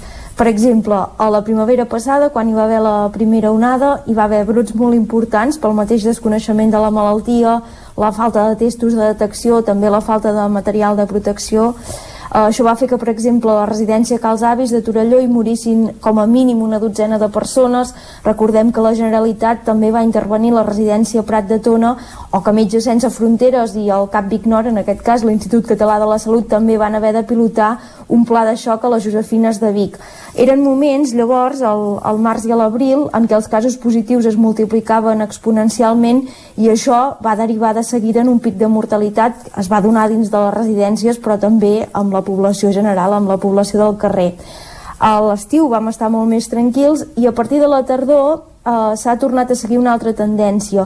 Hi ha, hi ha hagut brots repartits al llarg dels mesos, però sense pics simultanis eh, ni tan forts, és a dir, al març i a l'abril hi va haver molta intensitat en molt poques setmanes i ara eh, veiem brots que van apareixent de manera dispersa i que a vegades són fins i tot previs o posteriors als instants de més circulació del virus al carrer. Per exemple, eh, en aquesta segona onada hem tingut brots a les residències de l'Esquirol i Cantoni Gros, també n'hi va haver a la Sant Gabriel de Centelles i ara, més recentment, n'informàvem la setmana passada, a la residència Prudenci de Tona, on almenys hi ha una seixantena d'infectats infectats entre les 82 persones que hi viuen. A més a més dels de, riscos evidents sobre la salut pel que fa a la Covid-19, recordem que la gent gran que viu en residències ha estat aïllada dins dels mateixos centres, eh, això fa que no hagi vist les seves famílies i per tant eh, el patiment per contraure la Covid-19 també s'hi ha sumat aquesta angoixa de desconnectar respecte a la, la gent que un estima. Si ens ho mirem amb xifres absolutes, Jordi, eh, segons dades del Departament de Salut, des del març aquí a Osona hi han mort eh, 208 persones que viuen en residències i 353 que no. Això fent el percentatge és aquest 40% de defuncions a residències que comentàvem al principi i també hi ha un parell de dades curioses que és que eh, han passat el virus a dins d'aquests geriàtrics més dones que homes, el percentatge és d'un 60-40 Uh, segurament també és lògic perquè recordem que en edats avançades les dones tenim una esperança de vida més alta que els homes i per tant hi ha més població femenina que masculina. I pel que fa a l'edat d'aquests residents, la mitjana de persones que han passat el coronavirus se situa als 80 anys. Aquest aspecte de l'edat el, el comentem intencionadament perquè si ens fixem en el conjunt de l'estat espanyol, la mortalitat derivada del coronavirus ha fet baixar l'esperança de vida de 80,9 a 79,3 anys en el cas de les dones, és a dir, abans de la pandèmia vivíem gairebé 81 anys de mitjana, ara 79 i pocs mesos, i en el cas dels homes de 86,2 anys a 84,6. Això, eh, tant pel que fa a la població masculina com femenina, equival a un descens a l'esperança de vida que és de gairebé un any i mig, uns 18 mesos, i fa poques setmanes comentàvem amb l'investigador Sergi Trias Llimós, que està al Centre d'Estudis Demogràfics de la Universitat Autònoma, que un descens tan marcat de l'esperança de vida en el cas de l'estat espanyol no s'havia vist des de, des de la Guerra Civil. Mare de Déu, quina bestiesa. És ben bé, tot plegat uh, fa, fa por, eh? Uh, Txell, moltes gràcies per acostar-nos aquestes dades i tanquem aquí aquesta taula de redacció avui amb Guillem Freixa i Txell Vilamala.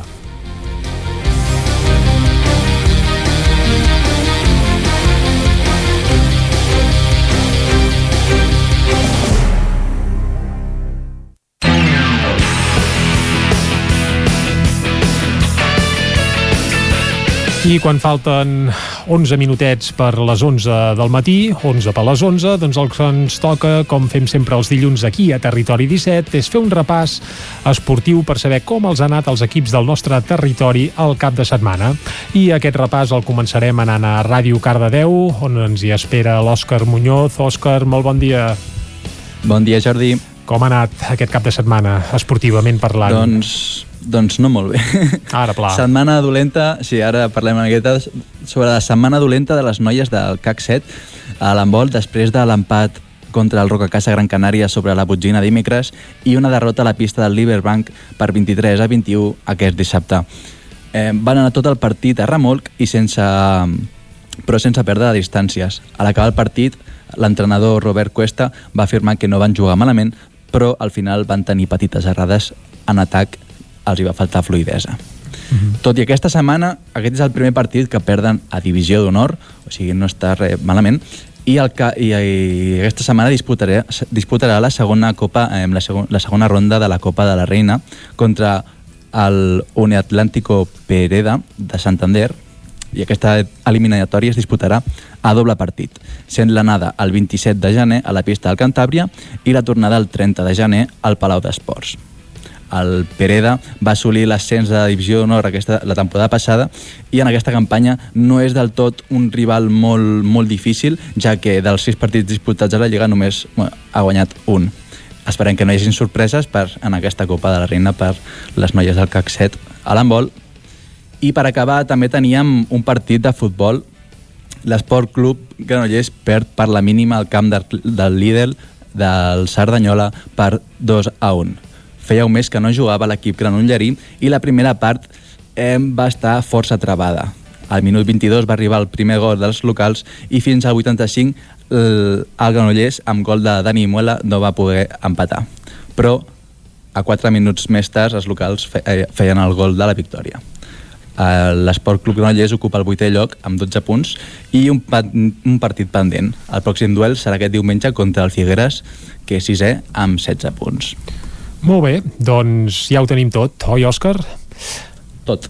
Fantàstic. Doncs de Ràdio Cardedeu anem ara cap a Ona Codinenca, on li preguntarem a això, la Caral Campàs, com els han anat els equips de l'àmbit territorial d'Ona Codinenca, que no sé si han estat gaire afortunats o no. Com ha anat això, Caral? Bon dia, doncs en general no els hi ha anat gaire bé als equips d'hoquei de la zona. El Sant Feliu de Codines, que el tenim a segona divisió, ha començat la segona volta sumant una segona derrota consecutiva perdent per 7-3 davant l'Alcobendes. Per tant, la segona volta no arrenca bé pel Sant Feliu. El partit no va començar bé i els madrilenys van fer dos gols en 10 minuts. La resposta va arribar amb un penal, però els madrilenys van respondre ràpid fent el 3 a 1.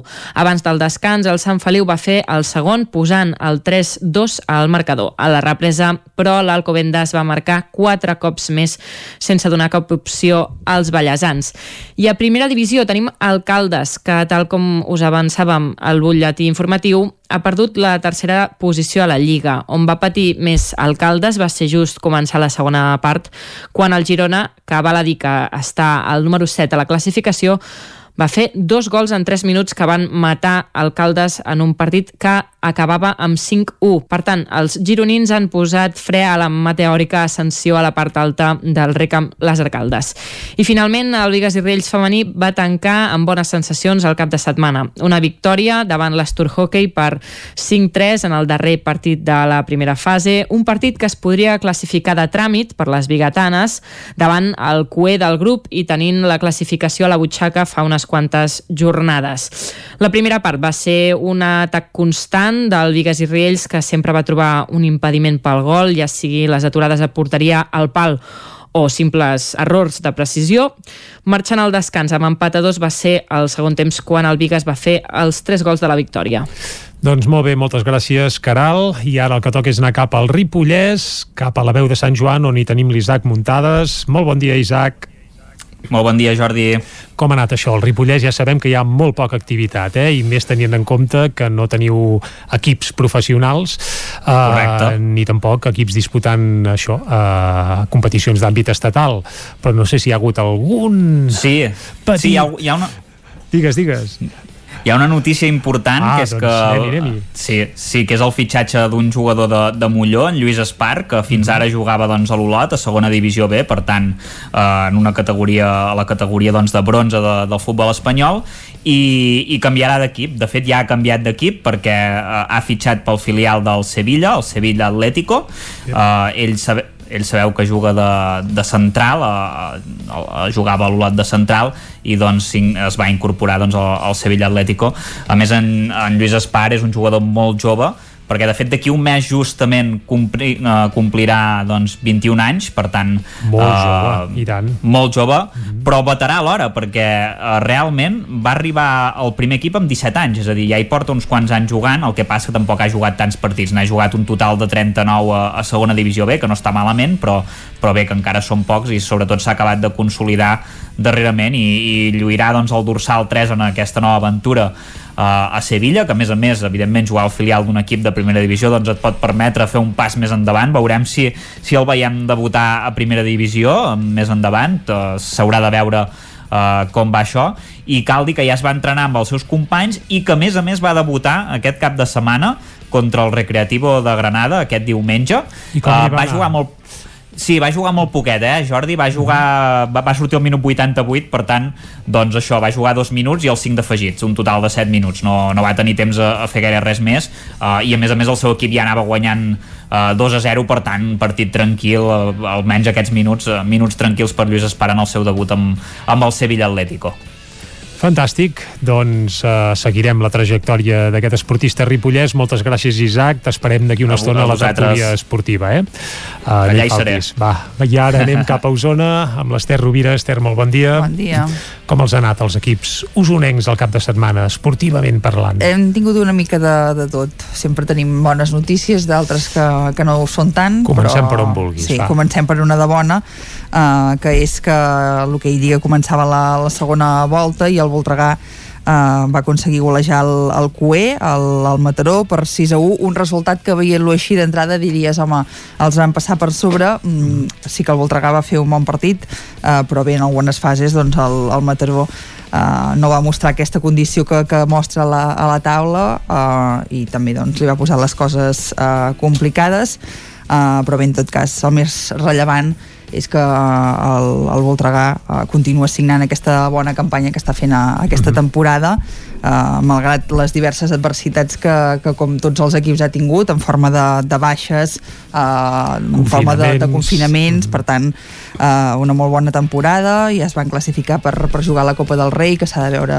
quan es farà si serà final de, de temporada o no i, i amb quin format però bé en tot cas les coses continuen anant molt bé pels de Sant Hipòlit. Uh, menys bé li van anar les coses al, al Taradell en el seu cas jugava un partit contra un rival directe en aquesta lluita per sortir de la part complicada de la classificació. Recordem que aquest any hi ha quatre descensos directes, dos equips que faran un, un play-out, un play-off de, de descens, uh, i ells dos, uh, doncs el Lloret i el Taradell, que lluiten uh, per sortir d'aquesta zona s'enfrontaven ahir a la tarda en el partit que, que s'ha poder veure en directe per les televisions de, de la xarxa, entre elles el Nou TV. I va guanyar el Lloret, eh? I va guanyar el Lloret per 3 a, a 1 um, en un partit que va ser molt igualat, uh, intens, i on els locals doncs, van tenir més encert de cara a porteria i això uh, és definitiu és veritat que eh, també el, el conjunt del Lloret té un porter molt jove, que és Andreu Muñoz, que va fer una... és la seva primera temporada a l'Hockey Lliga i va signar una gran actuació i per tant això va evitar Uh, doncs que, que el Taradell pogués fer algun gol més. La derrota va ser per 3 a 1 i la part negativa és que perden el gol a Baraix uh, contra un rival directe en aquesta zona de la taula. És a dir, en cas uh, d'empat, perquè... qui baixaria seria el Taradell Exacte, i no pas el Lloret. perquè uh -huh. a l'anada Taradell van, el resultat va ser de 3 a 2 uh -huh. i aquesta vegada 3 a 1, per tant, això, han perdut el, el gol a Baraix amb, amb el Lloret, per tant, com dèiem, una part positiva, la victòria del Voltregà, una de no tan uh, una de negativa com és aquesta la derrota, derrota del, del Taradell. Del el Vic Taradell. no jugava, eh? El Vic no jugava perquè mm. havia de visitar el Calafell i ahir doncs, uh, el rival va notificar uh, positius de coronavirus. El mateix va passar amb el rival del, del Manlleu Màgic Studio, de l'hoquei Lliga Femenina, que havia de rebre el Telecable Gijón i també va passar el mateix. Les asturianes eh, van comunicar que, que no podrien jugar perquè tenien Positius, un cas de positiu a, a l'equip. Uh -huh. Per tant, només jugava el Voltregà, en el seu cas sense res en joc, perquè ja sabia de la jornada anterior que havia acabat com a segon del grup B, s'enfrontava al Vilanova, amb qui ja no podien sumar punts, perquè doncs, ja era un equip que també estava um, ja, ja havia certificat que jugaria a la part de, de lluitar per evitar el descens de la, de la categoria a partir d'aquesta segona fase de la, de la competició per tant el partit de, de dissabte era per provar coses pels dos conjunts de, cada, de cara a la segona fase i els interessos que hi tindrà cadascú, el Voltregà mm. lluitant uh, per al títol i el Vilanova per, per no baixar. I partit també eh, doncs, ajustat. Eh, hi va acabar amb un 3 a, a 2 eh, hem de dir que el, el Voltregà eh, es va posar per davant però després les vilanovines van remuntar i no va ser fins al tram final que Laura Barcons amb dos gols de penal doncs va poder tornar a posar el Voltregà per, per davant. I a l'hoquei Lliga Plata Uh, també males notícies perquè hi havia un duel a la part alta entre el Sant Just i el Manlleu Embotit Solà, dos dels candidats al, al títol i a l'ascens en el grup nord de la competició um, i en aquest cas hem de dir que l'arbitratge uh, va penalitzar molt els, els manlleuencs uh, davant del conjunt de, de Ferran Pujalte Ferran Pujalte, eh? l'exentrenador sí. del Vic sí. que ara entrena el Sant Just exacte, i, i el seu fill que, que, que hi juga, que és un dels, dels jugadors al final 8 a 7 uh -huh. ja es preveia que seria un partit uh, molt, molt igualat pel nivell dels, dels dos conjunts i pel seu potencial però bé, això que dèiem, eh, sobretot doncs, penals i faltes directes eh, que van penalitzar molt els, els manlleuencs, eh, un dia que també tenien una baixa important, eh, com la del seu capital Albert Vigues, que estava eh, confinat per ser un contacte estret de, de positiu i tot això, doncs, aquesta temporada afecta, eh, afecta molt els equips quan han de jugar contra un rival eh, complicat, no? I acabem res amb dos apunts de, de futbol. Per destacar que a eh, la primera divisió nacional femenina el Vic Riu primer no fluixa i aquest diumenge va golejar el Pallejà, el Pallejà amb un bon inici a la segona part, -huh. al final 1 a 4, però tres dels gols biguetans van arribar al primer quart d'hora de la segona part, per tant uh, van sortir determinades a, a aconseguir la, la victòria, ja havien marcat a la primera part i després al tram final va arribar el gol de l'honor del, del Pallejà i les biguetanes que continuen cinquenes a la, a la classificació, per tant també molt bona temporada del conjunt uh, biguetà i en canvi eh, la nacional juvenil de, de futbol eh, el Manlleu que se li estan complicant les coses per aconseguir mm. la, la salvació perquè aquest cap de setmana visitava també un rival de la seva zona, un rival directe que tenia 3 punts més, com és l'Espanyol B eh, però van acabar perdent per 2 a 0 eh, perquè ja d'entrada se'ls va posar molt complicat el partit amb un primer gol eh, només el primer minut de, de joc i això ja va ensorrar molt els ànims de, dels, dels mallauencs que continuen penúltims amb 7 punts i per tant a partir d'ara eh, cada partit que hagin de, de jugar serà, serà una final en aquesta segona volta de, de la competició. El Manlleu que ara és penúltim, eh? Sí, exacte. Esther, moltes gràcies. Que vagi molt bé. I fet aquest apunt, quan són les 11 i un minut i mig del matí, el que fem és recuperar i acostar-vos de nou l'actualitat de les nostres comarques, les comarques del Ripollès, Osona, el Moianès i el Vallès Oriental. Territori 17, amb Vicenç Vigues i Jordi Sunyer.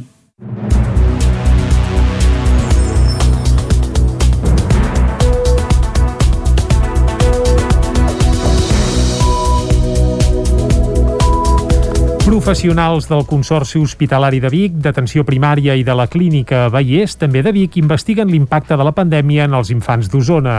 L'objectiu és analitzar quins són els símptomes més habituals de la malaltia en infants, però també conèixer les possibles complicacions o la immunitat que generen. Conèixer quines són, quins són els símptomes més habituals quan un infant contrau el coronavirus, saber quines possibles complicacions pot comportar la malaltia en infants i, sobretot, veure si la immunitat que generen és duradora.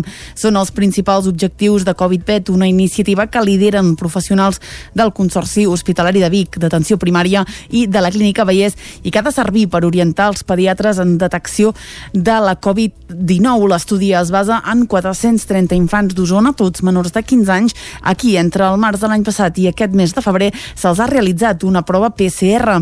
Montserrat Ruiz és pediatre del Consorci Hospitalari de Vic i reclutem tots els nens des de l'inici de la pandèmia, és a dir, des del març, durant 12 mesos. Tots els nens que els han fet PCRs, positives o negatives, una mostra representativa, perquè tots, evidentment, és impossible, però eh, des del març de 2020 fins finals de febrer de 2021, per tenir tot un període d'un any i estudiar l'estacionalitat, és a dir, si els diferents virus estacionals influeixen, si, quines, quins canvis hi han hagut. El que a dia d'avui ja poden assegurar és que la irrupció de la pandèmia ha frenat en sec altres patologies habituals en infants, com ara la bronquiolitis, un fet que atribueixen a l'ús de la mascareta, al rentat de mans i als grups bombolla. Anna Ricard és pediatra d'atenció primària. Estem veient que no tenim consultes pràcticament per bronquiolitis, per URS, que seria un virus que ara ja hauríem d'estar veient.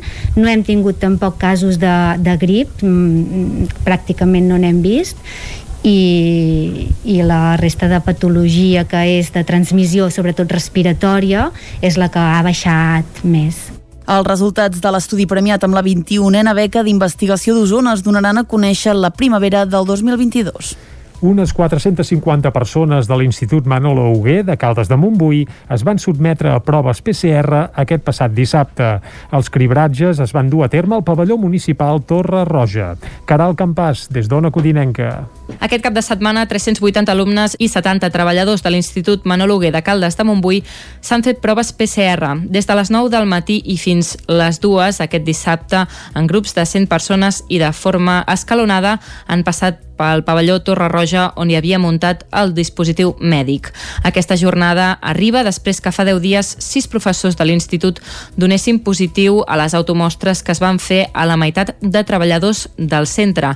Això va comportar el confinament de 16 classes dels 28 grups que hi ha a l'escola, que són els alumnes que van participar del cribratge massiu. Pere Masó és director de Serveis Territorials d'Educació al Vallès Oriental i al Maresme. Però també cal tenir en compte que són les primeres proves que es van fer i per tant estem just en el moment en el qual es retornava a l'escola després de les vacances de, de Nadal i de, i de Reis. Segons apuntava el director de l'Institut Jaume Balart, avui tots els negatius ja podrien retornar a l'escola. No, en principi, eh, ara ja portem, esperem que tot vagi molt bé, perquè ja fa gairebé, farà, demà farà 10 dies que ens vam confinar, aleshores ara ja estem al final d'aquest període de prevenció i això pensem que farà que les PCRs que ens estem fent ara, doncs en, en general sortin negatives, esperem-ho. I aleshores, si en les últimes 72 hores hi ha algun alumne que ha tingut febrícules eh, o ha tingut malestar i alguna cosa que faci sospitar que, que, no es, que, que tingui això, sintomatologia compatible amb Covid, doncs s'hauria de quedar a casa com a mínim fins 14 dies. Però en general, el dilluns al matí tothom cap a l'institut i classes eh, presencials un altre cop que, que ho necessitem tots plegats. La jornada de cribratges va comptar amb el suport de quatre infermers i una doctora de l'Institut Català de Salut. L'espai al pavelló d'hoquei va ser cedit des de l'Ajuntament de Caldes per facilitar la realització dels testos a aquest volum tan elevat de persones. L'empresa Girbau de Vic presenta l'ero d'extinció més important des que va començar la Covid-19 a la comarca d'Osona. L'expedient afectaria 76 dels seus 495 treballadors, al voltant d'un 15% de la plantilla, la gran majoria, 73 llocs de treball de la planta de Vic.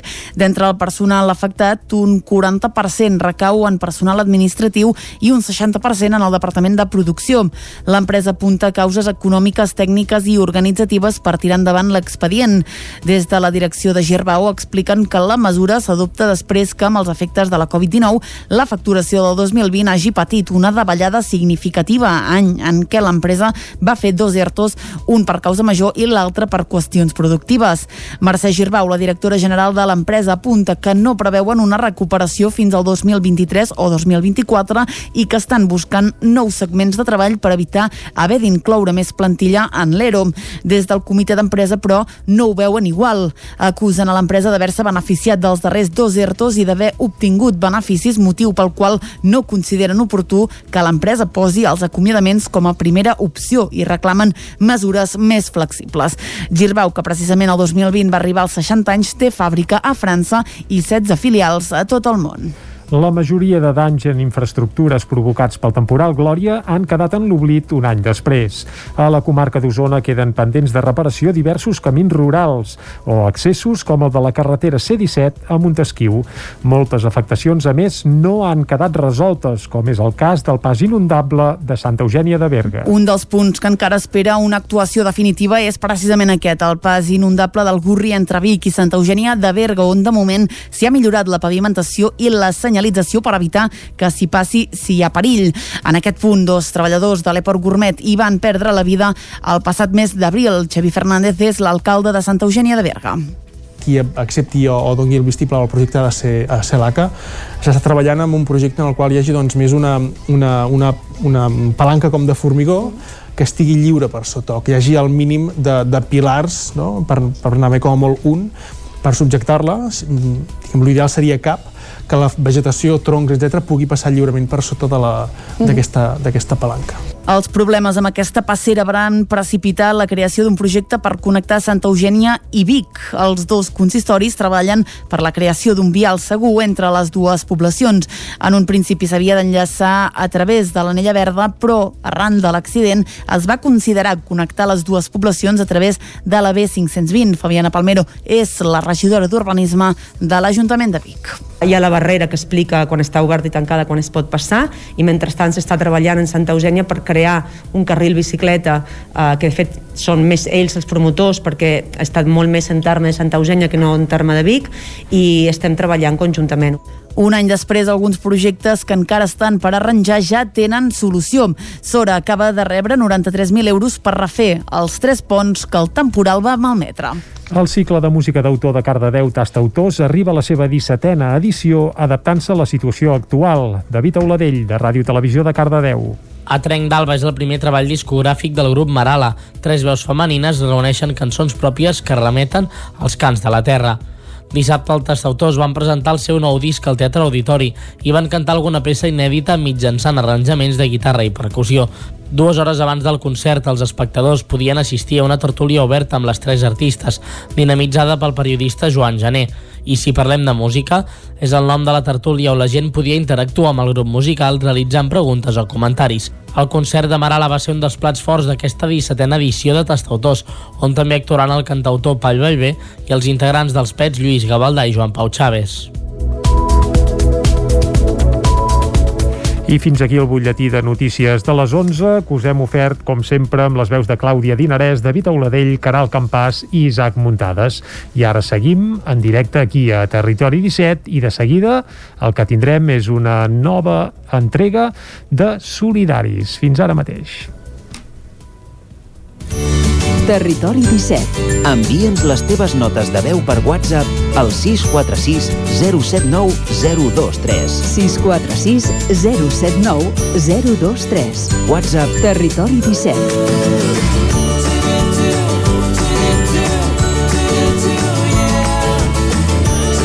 Territori 17. Som a Facebook, Twitter i Instagram amb l'usuari Territori 17.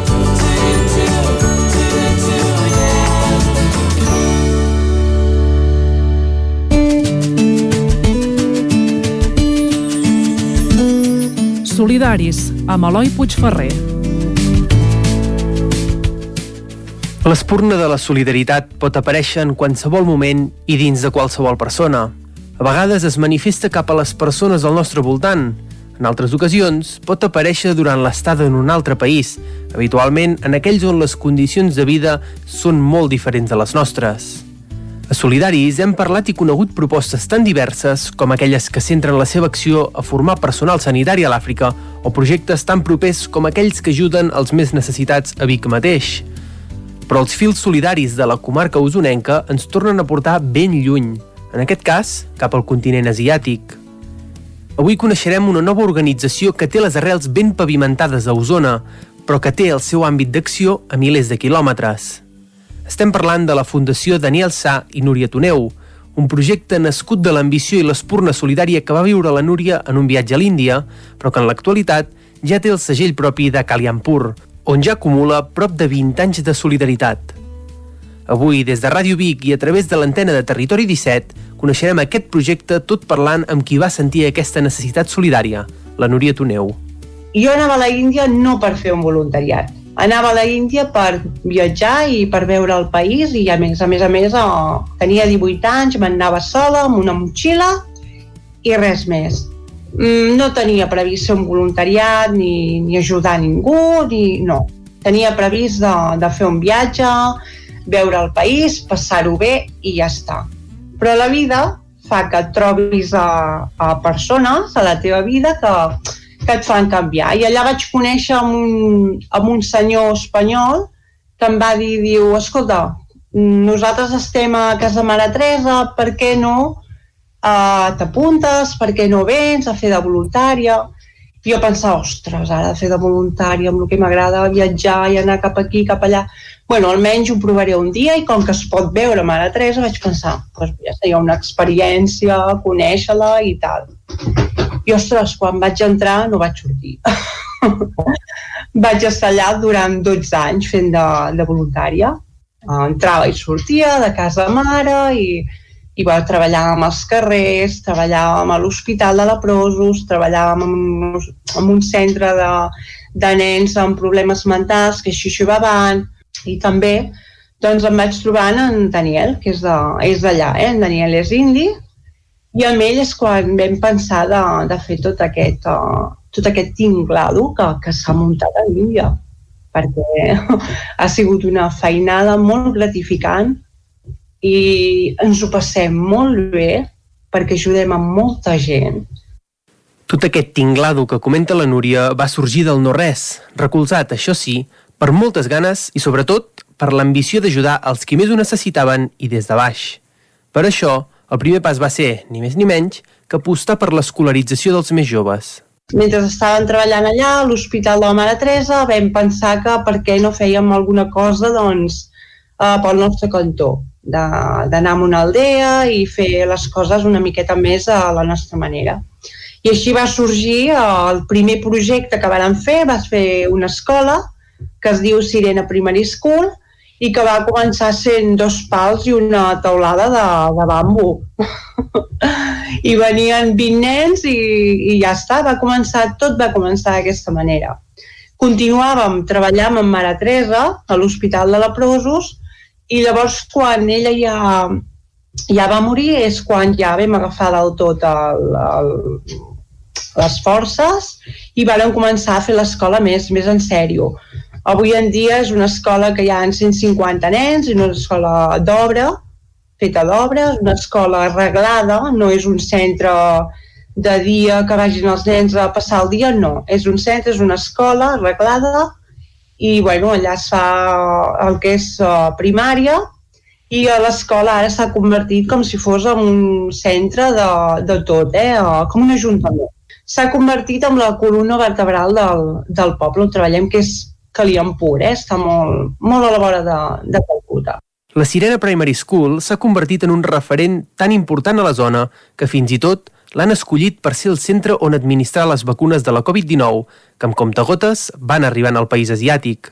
Sí que la Índia ha començat a, a vacunar-se la, la gent, però clar, és, una, és com una quimera, vacunar a 1.300 milions de persones. Però bueno, ho faran. La nostra escola, Sirena Primera School, és on es posaran la, les vacunes a, a Kaliampur. Des d'allà és on s'administrarà la, la vacuna. És perquè és on hi ha la infraestructura. La infraestructura és d'allà i ens han demanat si es podia fer part de la població de, part de la nostra població si es podia fer a dins l'escola i naturalment Uh, S'ha dit que sí, naturalment. L'escola no és solament nostra, l'escola és de tota l'aldea, de tota l'aldea. Sirena és de tota l'aldea. I per tant allà es portarà a la fi tot aquest, uh, bé, que és la, la vacunació. Però tot i l'arribada de les vacunes, sembla que la població ja no viu amb tanta por o respecte una pandèmia que ha fet molt mal al segon país més poblat del món. La Núria explica com encara la societat índia aquests mesos de pandèmia. No hi ha consciència de, de la malaltia per cansament. Al principi sí, hi havia més consciència, tothom amb mascareta, tothom amb molt cuidado, de no tocar-se, quasi bé de, de, de no respirar-se, de, de, de no mirar-se. Però ara la gent ja està més cansada. Suposo que també com, com, es, com a Catalunya, no? La gent es va cansant, però ara no hi ha aquella... Sembla que quasi bé que la, la mascareta es porta sota de la barbeta més com un, com un fashion, que dic jo, que no pas com una, com una necessitat. Portem la mascareta sota la barba perquè és molt xulo portar-la a sota la barba. Però naturalment això és que no té, no té cap sentit. És per pur cansament.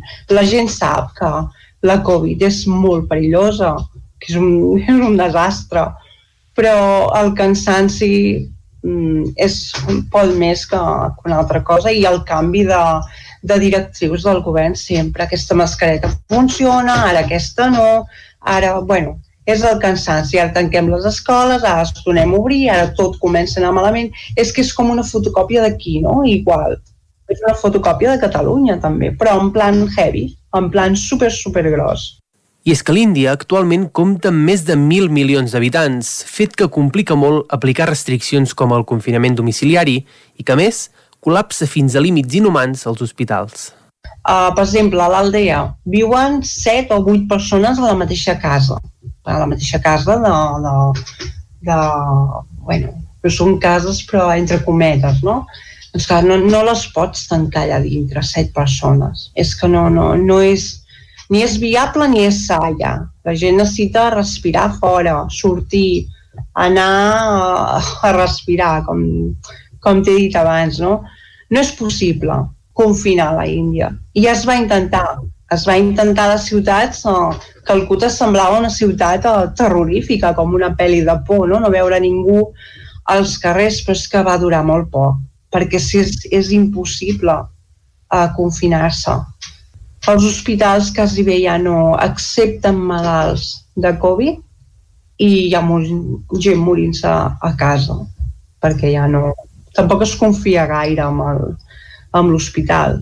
Tenim imatges de l'hospital de Baraipur, que està just a uns 15, 15 quilòmetres de, de la nostra aldea, amb gent morint-se sola a les habitacions i amb un ventilador, són 4 o 5 persones en una habitació amb un ventilador perquè no faci tanta pudor, hi ha gent mort de terra i hi ha gent que s'està morint als llits. Però deixant la Covid-19 de banda, la Fundació Daniel Xà i Núria Torneu té missions i preocupacions igualment importants, sobretot centrades en ajudar les persones i assegurar la supervivència econòmica de l'ONG. La Fundació, gràcies a persones solidàries, econòmicament doncs, rep ajudes tant de particulars com dels ajuntaments, que alguns ajuntaments que ens donen subvencions. Poquets, poquets ajuntaments que ens donen subvencions i sobretot de particulars i algunes empreses. Necessitem i necessitarem sempre molt més del que, del que tenim perquè sempre hi ha coses a fer, sempre hi ha més gent a ajudar, sempre n'hi haurà. La finalitat d'una ONG és marxar del poblat perquè les coses s'han arreglat. Aquesta és la finalitat de totes les ONGs, no sobreviure econòmicament, és que tu ja has acabat la teva feina i pots marxar. La ONG es, és feta per acabar-se. I de moment això no, no podem fer-ho. Per què? Perquè sempre hi ha algú més a ajudar. I gràcies a Déu que hem tret a persones del carrer de, que tenen una vida molt més... Uh, no m'agrada dir la paraula digna. Una vida molt més uh, uh, positiva, molt més, molt millor que no pas el que, el que tenien abans i sobretot gràcies a, a l'escolarització. Aquesta data de caducitat és un ideal que tenen molt clar la Fundació, però al tractar-se d'un projecte fet per ells i per a ells mateixos, el futur el té assegurat. Aquest paper que juguen els mateixos habitants del poblat el remarca la Núria. Ells són els, els protagonistes de, de tot i ells són els que proposen quin projecte és el que els aniria millor en aquell moment i sobretot la gent gran, la gent més respectada de, de l'aldea, pues necessitem aigua. Les nostres dones tenen que carregar aigua cada matí. Les nostres dones pateixen violacions quan uh, van a buscar aigua o quan van a, a fer les seves necessitats a camp obert. Tot això l'Aldea ho va veient i si nosaltres podem fer-hi alguna cosa, doncs per això, per això hi som, per solucionar problemes amb ells, no nosaltres, sinó amb ells conjuntament. D'aquesta manera també donem feina als treballadors, que els constructors dels pous d'aigua potable, o els que tenen que netejar el terreny, o tot això són gent que, que, que és d'allà i treballa allà i els hi donem la feina no som gent d'aquí que anem allà a treballar. No, no, no. Som gent d'allà que treballem allà. És, és així. És. Jo perquè en aquest cas estic aquí ara, però el que queda molt clar és que aquesta fundació, aunque sigui registrada a Catalunya, que és una fundació catalana, però també la majoria de, de bueno, un 99,9% de les persones que hi treballem som índies. Són índies, que m'incloeixo que arribé jo també, no? després de tants anys. Per això la nostra fundació penso que és la que, que, que funciona durant tants anys i que, que, bueno, que, que és la nostra manera de treballar. No som gent que agafem les peles aquí, anem allà, fem el projecte i tornem. No, no, no. Som gent d'allà que gràcies a persones solidàries d'aquí podem fer projectes molt macos que funcionen, que són viables i els fem allà. Gairebé 20 anys a l'Índia et donen per moltes coses, però mai està de més intentar imaginar o somiar el futur que se'ls obre davant. La Núria només demana una cosa, que tot segueixi com està i, sobretot, que el benestar predomini a Kaliampur. Pues m'agradaria passejar per, per veure'm a mi mateixa passejant per un carrer de, de la meva aldea, de Kaliampur, i veure i que saludar-me tots aquests nens o que ja s'han fet grans o aquestes dones o aquests senyors que ja deuen ser avis que, que estan molt millor que no pas ara. Saludar-los i, ei, com vas? Com estàs? Veure l'aldea plena de pous, aigua potable, amb un centre sanitari que, que estigui molt millor um, i, i que quasi bé jo solament vagi de visita. Ojalà, ojalà no em necessitin més i que tot funcioni d'una manera més, més uh, sola, no? més, més així. Ojalà, ojalà els vegi d'aquesta manera. Estem en camí, eh? Estem en camí. Sempre estem en camí. Millorant on anem, uh, millorem les coses i veiem els resultats. És que els veiem, els resultats. Per somiar que no quedi, però projectes com els que protagonitzen organitzacions com la Fundació Daniel Sà i Núria Toneu, arrelats i sempre amb la vista i l'ambició posada en ajudar, tenen un futur brillant al davant. I encara més, amb les ganes i l'ambició amb la que treballen des del primer dia sobre el terreny. Doncs fins aquí els solidaris d'aquest dilluns, aquí a Territori 17, que ens acosta cada setmana el company Eloi Puigferrer. I ara seguim en directe i de seguida anirem a Ribes de Freser. Avui al Descobrim Catalunya ens cantarà les bondats d'aquesta població del Ripollès. Després anirem a la R3, on recordem que avui hi ha problemes perquè hi ha una vaga de maquinistes. Això fa que, que hi hagi retards a totes les línies, evidentment a la que ens afecta més, a la R3 també a la R3 corredors doncs, no passen desapercebudes. I eh, seguirem encara a Territori 17, acabarem avui fent tertúlia esportiva com fem tots els dilluns. Parlarem de com ha anat el cap de setmana a la Lliga de Futbol, sobretot pensant en el Barça, que va guanyar 0 a 2 al camp de l'El, sense fer un futbol brillant, això sí, també parlarem del Real Madrid, que també va guanyar. I eh, tindrem temps, suposem, de parlar de l'Espanyol, que recordem que en el derbi català va perdre 1 a 0 contra el Girona. Osona. Tot això ho repassarem a la part final d'un Territori 17 que ara eh, s'agafa una petita pausa per publicitat i això tornarem a dos quarts en punt per enforquillar ja la recta final del programa d'avui, anant a Ribes de Freser, anant a la R3 i acabarem fent tertúlia esportiva. Això és el que ens queda des d'ara i fins a les 12 del migdia. Ara mateix, una pausa i tornem de seguida. Fins ara.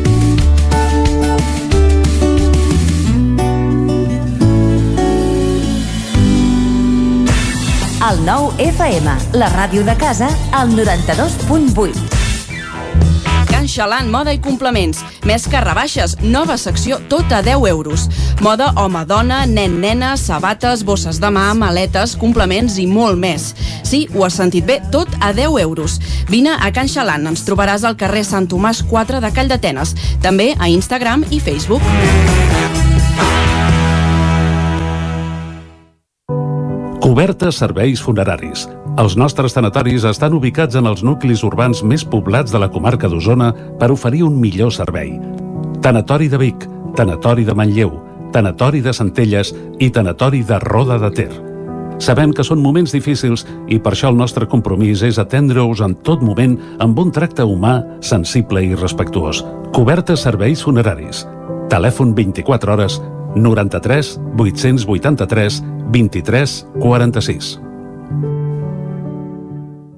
Només pensar en passar aquesta nit sense calefacció amb aquest fred? No es preocupi, hem analitzat a fons la caldera i de seguida quedarà reparada i en funcionament. Quan tingui un problema amb la seva caldera, vagi directament a la solució. Truqui sempre al Servei Tècnic Oficial de Saunier Duval i despreocupis, perquè som fabricants i coneixem les nostres calderes peça a peça. Informis a Oficiat Nord trucant al 938860040. Saunier Duval, sempre al seu costat.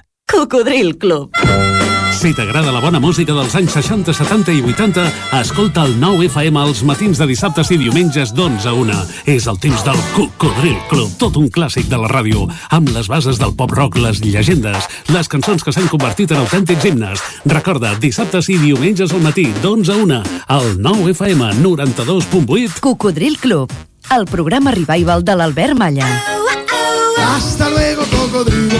Anuncia't al 9FM. La ràdio de casa. 9 3 8 8 9 4 9 4 9. Publicitat arroba al 9FM.cat. Anuncia't al 9FM. La publicitat més eficaç. Hi ha una màgia que no té truc. És la màgia de compartir una estona amb algú i parlar-hi. Vols practicar el català o ajudar algú a parlar-lo? Apunta't al Voluntariat per la Llengua, al programa de les parelles lingüístiques a vxl.cat. Perquè quan parles, fas màgia. Generalitat de Catalunya, 7 milions i mig de futurs. C Cosmètics, el vostre distribuïdor de perruqueria i cosmètica bio de la comarca, us agraeix la confiança de tots aquests anys i us convida a visitar la nova botiga online www.ccosmetics.net us obsequiem amb un 10% de descompte en la vostra primera compra. També podeu recollir les vostres comandes al carrer Nord, número 2, baixos de Vic. I ara, nou servei d'articles anticovid, dirigit a empreses. Us hi esperem. El 9 FM, el 9 FM, el 9 FM, el 9 FM. Territori 17.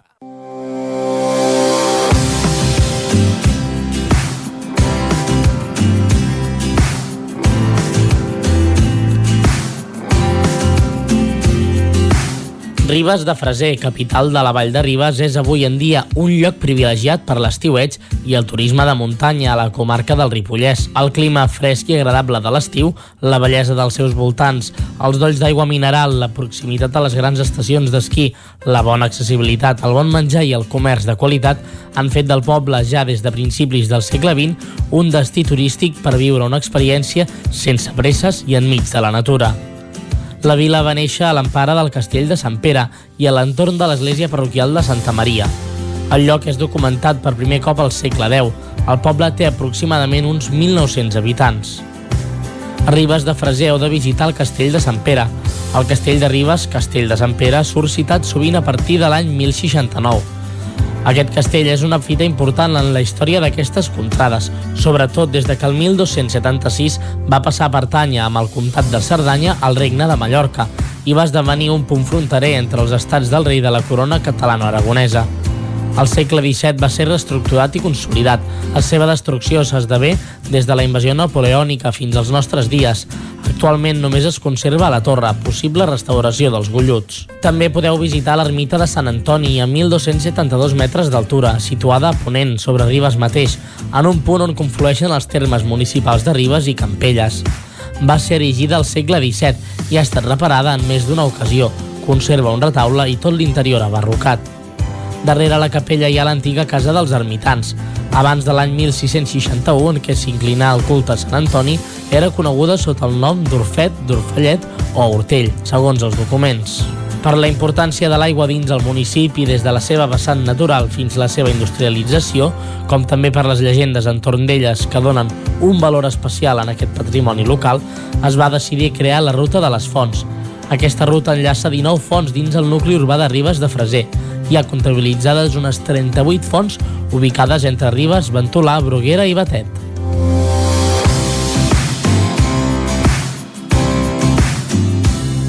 Territori 17 i després d'anar cap a Ribes de Freser, on recordem que evidentment no hi podem anar, continua el confinament municipal, per tant només el poden visitar els habitants del propi municipi, però vaja, ens l'apuntem, ens l'apuntem una visita a Ribes per quan es pugui, doncs després de saber i cantar les bondats de Ribes, el que ens toca és anar cap a la R3, a Trenc d'Alba. A Tren d'Alba. Cada dia els usuaris de la línia R3 de Rodalies que veuen sortir el sol des d'un vagó ens expliquen les gràcies i les penes del primer comboi que uneix Ripoll i Barcelona. Benvinguts a Tren d'Alba. Sabíeu que els treballs per fer el túnel de Toses no van ser fàcils ni molt menys? De fet, les obres de construcció d'aquesta infraestructura van representar l'entrebanc més gros per fer arribar el ferrocarril a Puigcerdà. Bona part de la culpa la va tenir l'orografia accidental al terreny, les nombroses filtracions d'aigua per ser una zona molt humida i on hi plovia sovint, però que també hi nevava. I també va afectar negativament a l'obra la desaparició sobtada d'un dels contractistes. A més, en el treball d'obertura del túnel van perdre la vida fins a una trentena d'operaris i el nombre de ferits va ser similar. Bona part de culpa la van tenir les llavissades i els accidents que repetien constantment. Per això, la infraestructura va haver de comptar amb un hospital a Toses, construït per l'ocasió. Ja veieu que les condicions de treball d'abans eren molt dolentes i la seguretat brillava per la seva absència. Ara és molt complicat que hi hagi tants morts en la construcció d'una infraestructura d'aquest tipus, però així és la vida. Ah, per cert, i avui hi ha hagut una altra vaga encoberta a Renfe, que també ha afectat l'R3, tot i que jo penso que ja hi és cada dia aquest tipus de vaga. Va, ens retrobem demà amb més històries de la R3.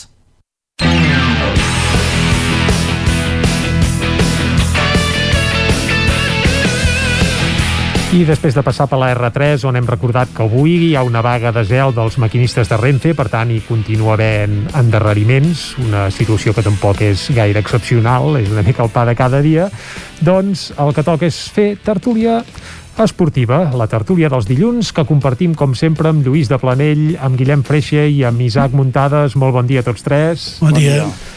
Molt bon, bon dia. dia i bé, si us sembla, comencem parlant de la Lliga de Futbol de Primera Divisió. Lluís, parlarem breument també del, de l'Espanyol Girona, eh? però comencem per Primera Divisió, on sembla que l'Atlètic de Madrid eh, bé, va disparat cap al títol. Eh? Recordem que, a més a més, té un partit menys i setmana rere setmana els de l'Atlètic que no fallen, aquesta setmana tampoc han fallat ni Barça ni Real Madrid, però cada vegada la Lliga fa més olor uh, matalasser. No sí. sé com ho veieu. No, home, des de principi de temporada que jo crec que aquí a la, a la Tortúlia s'ha anat comentant no? que era l'equip més, més sòlid, més conjuntat, eh, amb qualitat, perquè l'Atlètic de Madrid, si mires jugador per jugador, té una plantilla de nivell eh, Champions, com, com està competint a la, a la Champions, però vull dir un nivell eh, per, per competir entre els millors d'Europa, i jo crec que han aprofitat mm, la mediocritat, jo diria, ho diria així, la mediocritat de Madrid i Barça doncs per anar obrint aquest forat eh, al capdavant de, de la Lliga i que ara mateix haurien de fallar molt. Sí que és veritat que si en comptes d'haver-hi l'Atlético de Madrid hi hagués el, el, el Madrid o el Barça amb aquesta distància um, i en anteriors temporades, eh, òbviament, segurament ja ho donaríem per fet, ja diríem que o Barça o Madrid han guanyat la, la Lliga Ara mateix potser fa dubtar això, que l'Atlètic de Madrid sí que crec que era a octubre, va tenir un petit, un petit sotrac, um, que pot tenir aquests sotracs, però crec que ho tenen molt a la mà i que Simeone ja fa molts anys que treballa amb aquest projecte de, de l'Atlético i que de moment aquesta temporada li estan donant, li està donant bons resultats. I amb un jugador en punta d'atac que és d'aquells casos que, que es fa difícil de- D'entendre, de- sí. El, els hi vam regalar, com aquell qui diu, eh? Clar, jo- El cost gairebé zero. Com aquell que diu, no. No, no, escolta, Un les regal absolut. Clar, és que eh, jo entenc que Luis Suárez no es podia quedar al Barça per ser suplent. Eh, se se li havia acabat una etapa per ser el davanter titularíssim i la referència en atac. Suplent d'aquí. Bueno, és que aquí és on anava ara, és on volia anar, eh? eh que jo entenc que si feies foc nou i volies fer una aposta per uh, algun altre davanter centre, algun altre jugador, doncs potser Luis Suárez no, ni ell hagués acceptat ni el Barça hagués pogut permetre tenir un davanter centre com Luis Suárez sent el, el segon don d'un altre. Però és clar, és que el Barça es va treure Luis Suárez i no tenia un recanvi per aquesta posició, no té un davanter centre eh, amb les característiques de davanter centre, eh? que jo sempre vaig repetint el mateix. Si analitzes els grans Barces de, dels últims 15 anys, eh, des de, podríem dir des de l'entrada de, de la porta a la presidència el 2003, els grans Barces sempre han tingut grans davanters, han tingut figures molt, molt importants, Ronaldinho, Messi, Xavi, Iniesta, però sempre hi ha hagut aquest davanter centre um, típic, uh, digue-li Eto'o, digue-li Villa, digue-li Luis Suárez. Mm, I ara aquesta temporada no hi és, i estem anant amb Braithwaite. Per tant, em, em costa d'entendre eh, com es va gestionar tot plegat i demostra una altra vegada que la gestió esportiva de l'última temporada o de l'últim any i mig Bé, o de l'última sigut- època ja, Bartomeu, eh? Sí, No- però no especialment, parlaria només d'un any. especialment s'ha torçat en aquest, en, en aquest últim període, no? perquè potser abans encara es vivia de- de- d'un llegat i d'un projecte que, que encara s'aguantava per, Però és que Suárez li vau pagar aquesta temporada i la que ve. Sí, sí. Ho va cobrar tot. I a més se- se'n va l'Atlètic de Madrid a franc.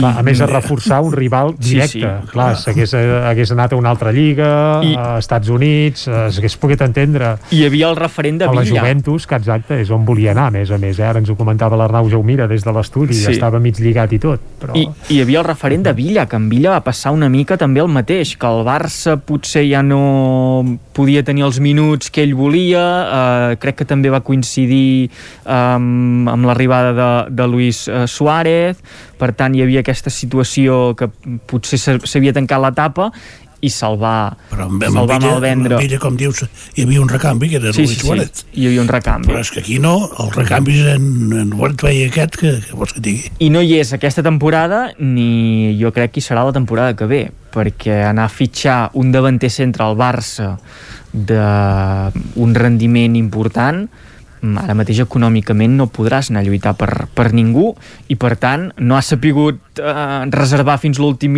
moment o extreure el suc del que ja tenies, que potser sí que estava una mica espatlladet però encara mantenia la qualitat i sobretot la fam de marcar gols com estava mostrant a l'Atlético. És el màxim golejador, eh? i, exacte.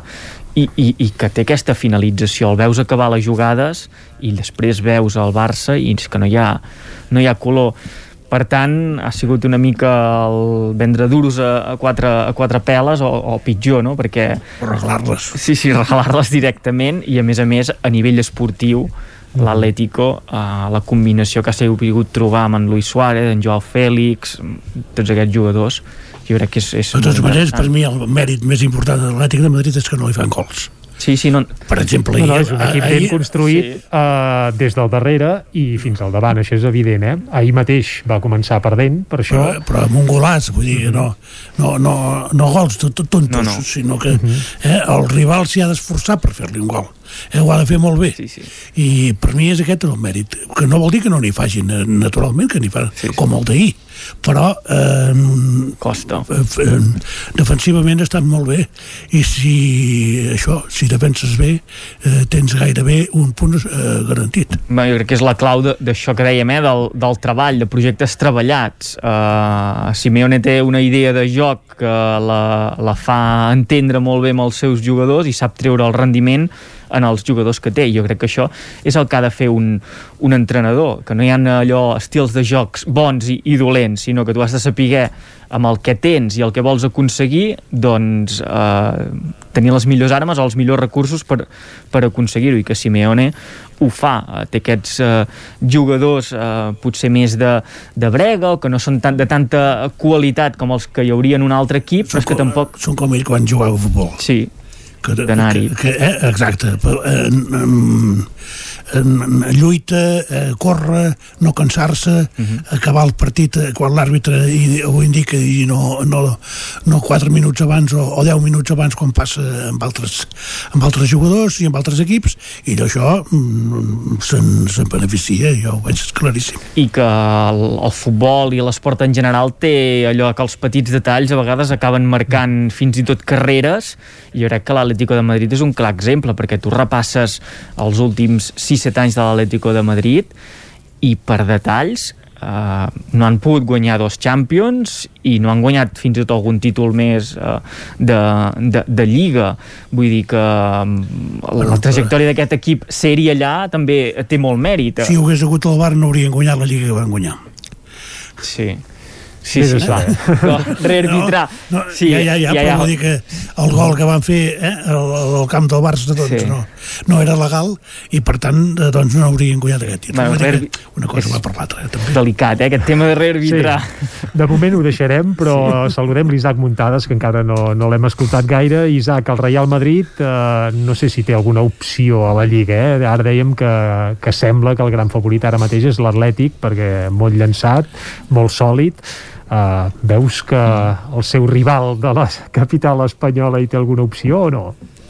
Bé, de moment ja el vam guanyar a la, la primera volta, eh, li vam fer dos gols, que em sembla que n'ha rebut 8 i nosaltres n'hi hem fet dos, per tant, realment, quan el Madrid s'hi posa amb els equips grans, eh, treu els resultats, i amb l'Atleti de Madrid eh, ho hem fet així, i l'Atleti de Madrid en aquesta segona volta li queda eh, jugar un altre cop contra el Madrid, evidentment, sense públic, eh, en el nostre jardí, que és el camp de l'Atleti de Madrid, que, bueno, com tots els camps, eh? el d'abans i el d'ara, eh? vull dir, ja no hi tenim cap problema. I llavors, eh, evidentment, també ha d'anar al Camp Nou, vull dir, això ja són 6 punts, d'aquests 10 eh, que pot, pot perdre per exemple, també hi ha altres partits que són més complicats, l'Atlètic de Madrid cada any sempre té una, un moment eh, de mala ratxa, en els últims partits ja li estan començant a marcar el primer gol. Li costa més eh, acabar de guanyar.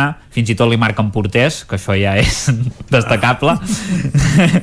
Vull dir que, a veure és un equip sòlid i evidentment no, però, però es pot guanyar. Vull dir, el, el va guanyar el Cornellà ara, ara podem dir que el Madrid el va guanyar el Collano, eh? ja, ja ho sé, eh, també vull dir, però, però vull dir que però, però el Madrid, que el Madrid ja sabem que la Copa no, no, no li interessa eh? vull dir No, que això també es va tirar una mica la, la competició sí. eh? vull dir, Va esperar, però Va fer expressament. va esperar Però- arribar al minut que va arribar, eh? amb, amb contra exacte. 10, però Sí, no, va sí. llançar... Sí, sí. Sí, perquè és que no ens interessa, volem Clar, guanyar la Lliga clar. i llavors eh, són masses partits, però, però jo penso que la Lliga és llarga, queden molts partits, queda la Champions pel mig, s'haurà de gestionar això de jugar doncs, dos partits a la setmana, que a l'Atlètic de Madrid sempre li ha, li ha costat més, Uh, també és veritat que ha arribat a algunes finals de Champions però també entre aquestes finals de Champions hem de recordar que ha tingut eliminacions sonades a les primeres de canvi en la fase de grups i, i en altres i en rondes molt, molt pròximes eh? i a més a més quan Sí. ha arribat a les finals doncs ha tingut la mala sort de trobar-se doncs, Sí, amb sí. el millor equip de la història que l'ha escombrat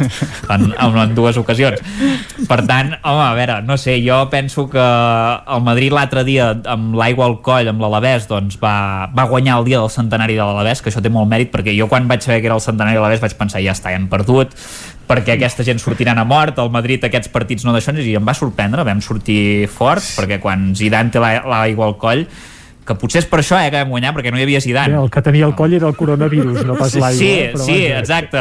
Que jo, jo, em va, jo hi va un moment que em vaig alegrar quan vaig veure que hi havia un comunicat de Zidane a la web del Madrid i pensar, dic, l'han destituït per fi, ja està, ja ens hem tret aquesta carta, no, ja no era aquest, eh, el I el, tema. i, el po I el pobre doncs, tenia coronavirus, però no ho sé, jo encara m'esperaria una mica, esperaria algunes quantes jornades, vull veure una mica l'Edi de Madrid quan comenci a alternar Lliga i Champions a veure si, si, si aguanta. Jo per mi tot depèn una mica de la punteria de Suárez si Suárez deixa de tenir punteria o passa alguna cosa, l'Atlètic de Madrid és un equip que tampoc fa excessius gols. El que Però un, No, però té, el, té un, els que fa el, rendivi, el rendibilitza i Sí, molt, eh? el i, rendibilitza, i, i té molt coixí, eh?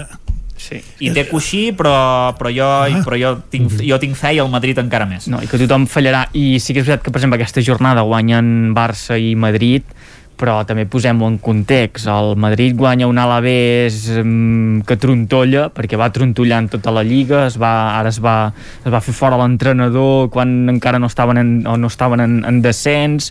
Per tant és un projecte que trontolla vull dir que tampoc es va guanyar a un super mega projecte a un super mega eh, equipàs i el Barça igual. El Barça guanya a un Elx que està a primera divisió Que mig de rebot. Penúltim, a més a més. mm, que crec que havia guanyat, ha guanyat tres partits en tota la temporada i que és una plantilla feta. Eh, si aconsegueixen la salvació serà, bueno, un èxit rotundíssim. El que no hagi vist l'altre partit de futbol que el d'ahir entre l'Elge i el Barça el dirà que el futbol no li agrada gens. Sí.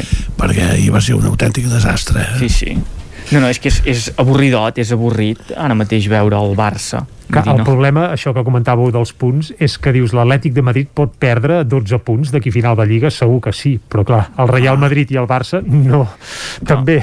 Clar, aquest és el tema, que no hi ha fiabilitat al darrere, no? Clar, si el Madrid perd a casa amb el Cádiz, doncs passa això. Sí, sí. I si el, el Barça perd eh, eh, contra el Cádiz, doncs també, també passa això.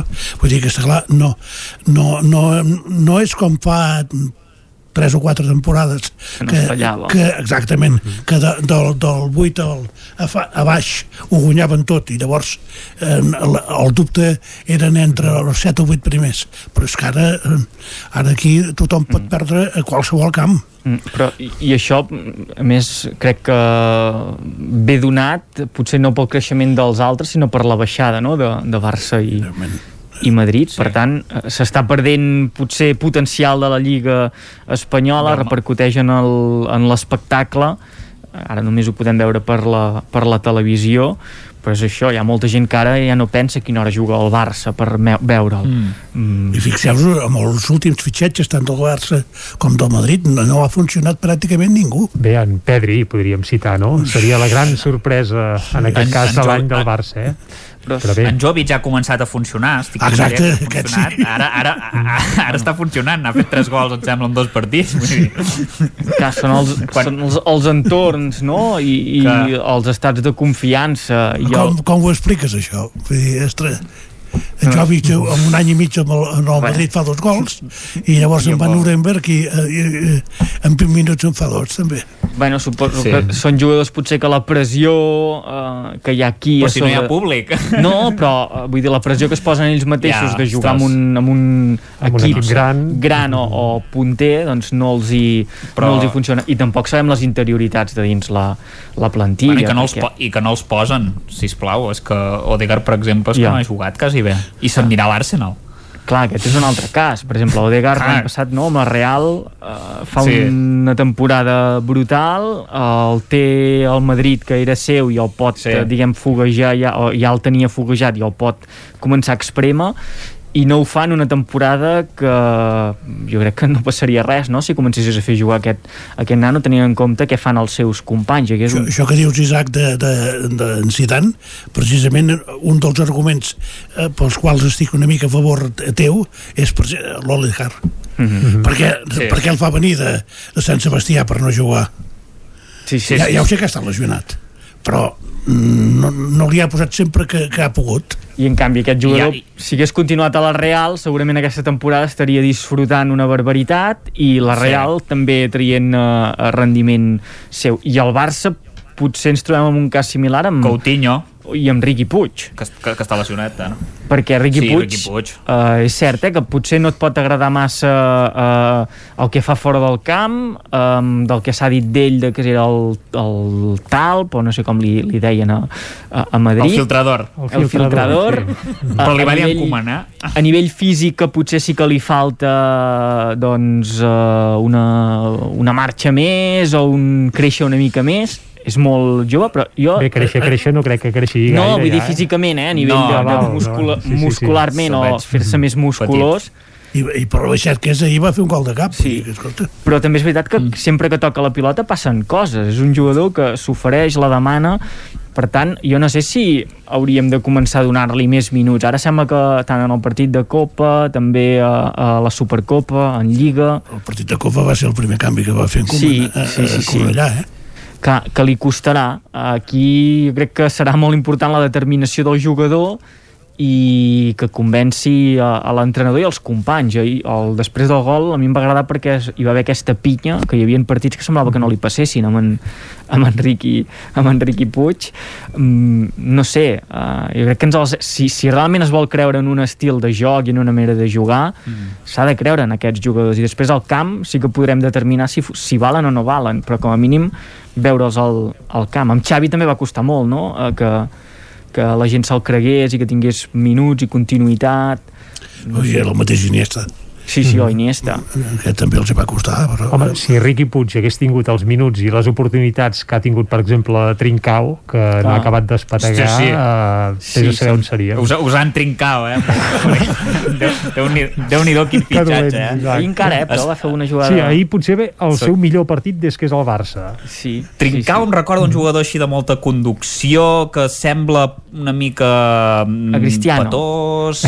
No, no, però que, però que alhora també també té arrencada, no sé, és com una espècie de... Ah, digues el André, en, André Gómez, però, però més en, jugant més endavant, per dir d'alguna manera. André Gómez. No, bueno, hi ha no gent que el, no... el comparen sí. també a Quaresma, no?, quan va venir sí, Quaresma, Quaresma. molt jove clar, són jugadors eh, de molt desequilibri però poca, potser molta fressa i poca endreça no? De maneres, en Trincao vau començar a parlar-ne o, o tothom el va començar a conèixer quan van dir que fitxava pel Barça però abans ningú no en sabia res d'aquest jugador. No, per això els han trincat, Lluís. Sí. Però molt, eh? Però, però molt, eh? Sí, però també t'has d'arriscar, perquè aquest jugador, ara no sé el preu que van pagar, eh? Sí. però segur que no té res a veure que el seu preu, el que haguessin hagut de pagar si haguessin anat a fitxar un jugador d'un equip eh, molt més fet. Són apostes que et poden sortir sí, bé, com, bé. no sé, eh, en Torella Mateu ja... sortirà bé o com ho veus? Sí.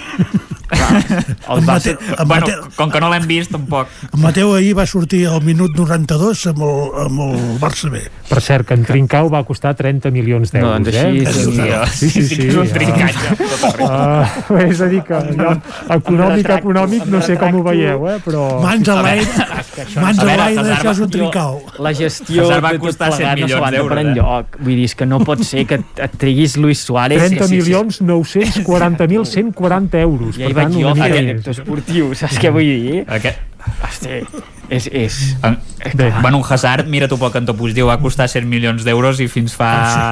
Sí, però... Fins a l'últim partit, com aquell qui diu encara no s'ha vist gaire res d'en Hazard, però bueno, potser, potser remuntarà, no sé. Està, bé, està fet bo a bé el Hazard és que no, no, hosti, 30 milions déu Almenys el Hazard havia sí, sí. jugat amb una lliga interessant sí, sí, sí, sí no, clar, el, el Trincao no, ah. no se'l pot comparar ostres. el Trincao amb un equip de segona fila sí. i, i portuguès Bé, el que està clar és que quan sí. el Barça vol fitxar algú el preu d'un jugador es doble com a mínim sí. els millors Això fitxats són els barats oita, oita en Pedri oita en Pedri que ha sortit bé és un jugador que ha sortit barat de segona divisió que era una aposta totalment molt jove 17 o 18 anys que té sí. i, i dels titular indiscutible crec que ha jugat tots els partits de Lliga si no estic errat sí, sí. i vosaltres l'Asensio i nosaltres l'Asensio l'Asensio ara està començant a recuperar una mica. És que l'Asensio ah, el problema és que, té, que és les lesions.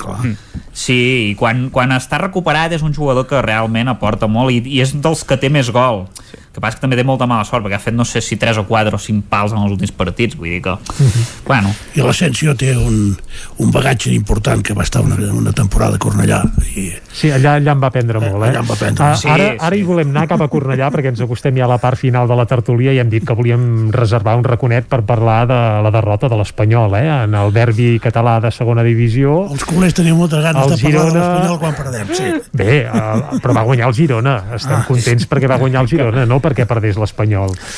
Uh, suposo, Lluís, que el vas veure el partit, eh? Sí, sí. Uh, I llavors, al final del partit, vaig pensar que si juguem així serem campions, segur. Sí. Ah, sí? Real... No, segur. sí, sí aquí jo crec que se li ha donat la raó perquè no, és, un partit... és, és cert que l'Espanyol mereixia guanyar eh? sí. veient el partit, cal reconèixer però escolta, els gols s'han de marcar eh? i les sí, pilotes han d'anar dins però vull dir, és que gairebé és impossible que, que es torni a repetir la situació de dissabte i que les envien, envies al pal una molt bé, però dues i que el porter es converteixi en, sí, sí. en un, en un bueno. personatge que sembla que tingui 20 cames i 20 braços vull dir, tampoc és habitual eh, vam entrar per la dreta, per l'esquerra, vam, vam jugar un, un partit, jo diria que, que, que d'un gran nivell i si s'ho hagués acabat una 4 eh, la gent ho hauria entès perfectament i que era un, un resultat eh, diguem que entrava dintre la normalitat. Per tant jo continuo, continuo dient que si sempre, juguem així és impossible que ho perdem tot i per tant eh, serem, guanyarem la, la Lliga eh, el que passa és mantenir aquest joc també és complicat, eh? Mm -hmm. però si ho féssim així sempre no, no hi hauria dubte ara, si has de triar un partit per perdre doncs mira que sigui contra el Girona perquè aviam si el Girona s'espavila una mica i pot acompanyar-nos cap a primera divisió la temporada que ve. Sí, el, el partit, jo crec que això, eh, que si se'n juguessin mil de partits entre l'Espanyol i el Girona, tal i com va anar eh, el d'aquest cap de setmana, l'Espanyol els guanyaria pràcticament tots, perquè és el que diuen Lluís, eh? eh van ser superiors al terreny de joc en ocasions, el millor del Girona va ser el, el porter sense cap mena de dubte i això ja t'explica una mica com van anar les coses posant-nos també un altre, en l'altre vessant en la del Girona jo sí que haig de dir que aquest any el Girona ha pres una cosa que l'any passat potser no tenia que és eh, saber patir perquè sí que és veritat que en partits en què el rival eh, és superior, aquesta temporada el Girona ha sigut capaç de treure, de treure rendiment i de treure, de, de treure punts. Per tant, això també pot ser una, una cosa bona si s'arriba en un, en un tram final de Lliga eh, ajustat o, o, o el play-off, que és l'objectiu dels gironins ara mateix. Home, el que està clar és que la segona divisió és molt igualada molt. i que pràcticament llarga. qualsevol equip, i llarga també, cal dir-ho, qualsevol equip eh, pot guanyar qualsevol, I com els, passa els, també a la primera, eh, cal dir. El Sabadell va empatar el Meria, cosa que semblava impossible. Sí, sí, clar, és que per, per la situació resultats... dels dos equips, eh? Vull Correcte. dir que, I perfecte, vull dir que si, Ara, també si els catalans el... anem amunt, perfecte. Doncs va, d'això es tracta, que els catalans anem amunt. Uh, Lluís de Planell, uh, Isaac Muntades, Guillem Freixa, moltes gràcies per acompanyar-nos una setmana més a la tertúlia esportiva. Us esperem dilluns que ve i nosaltres Adeu. anem per tancar el programa d'avui.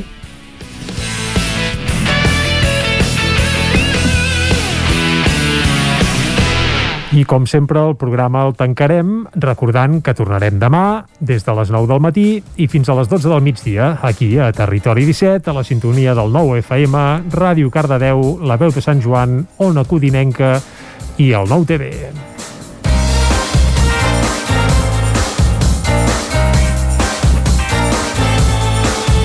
Territori 17 un magazín del nou FM. La veu de Sant Joan, Ona Codinenca i Ràdio Cardedeu amb el suport de la xarxa. El nou FM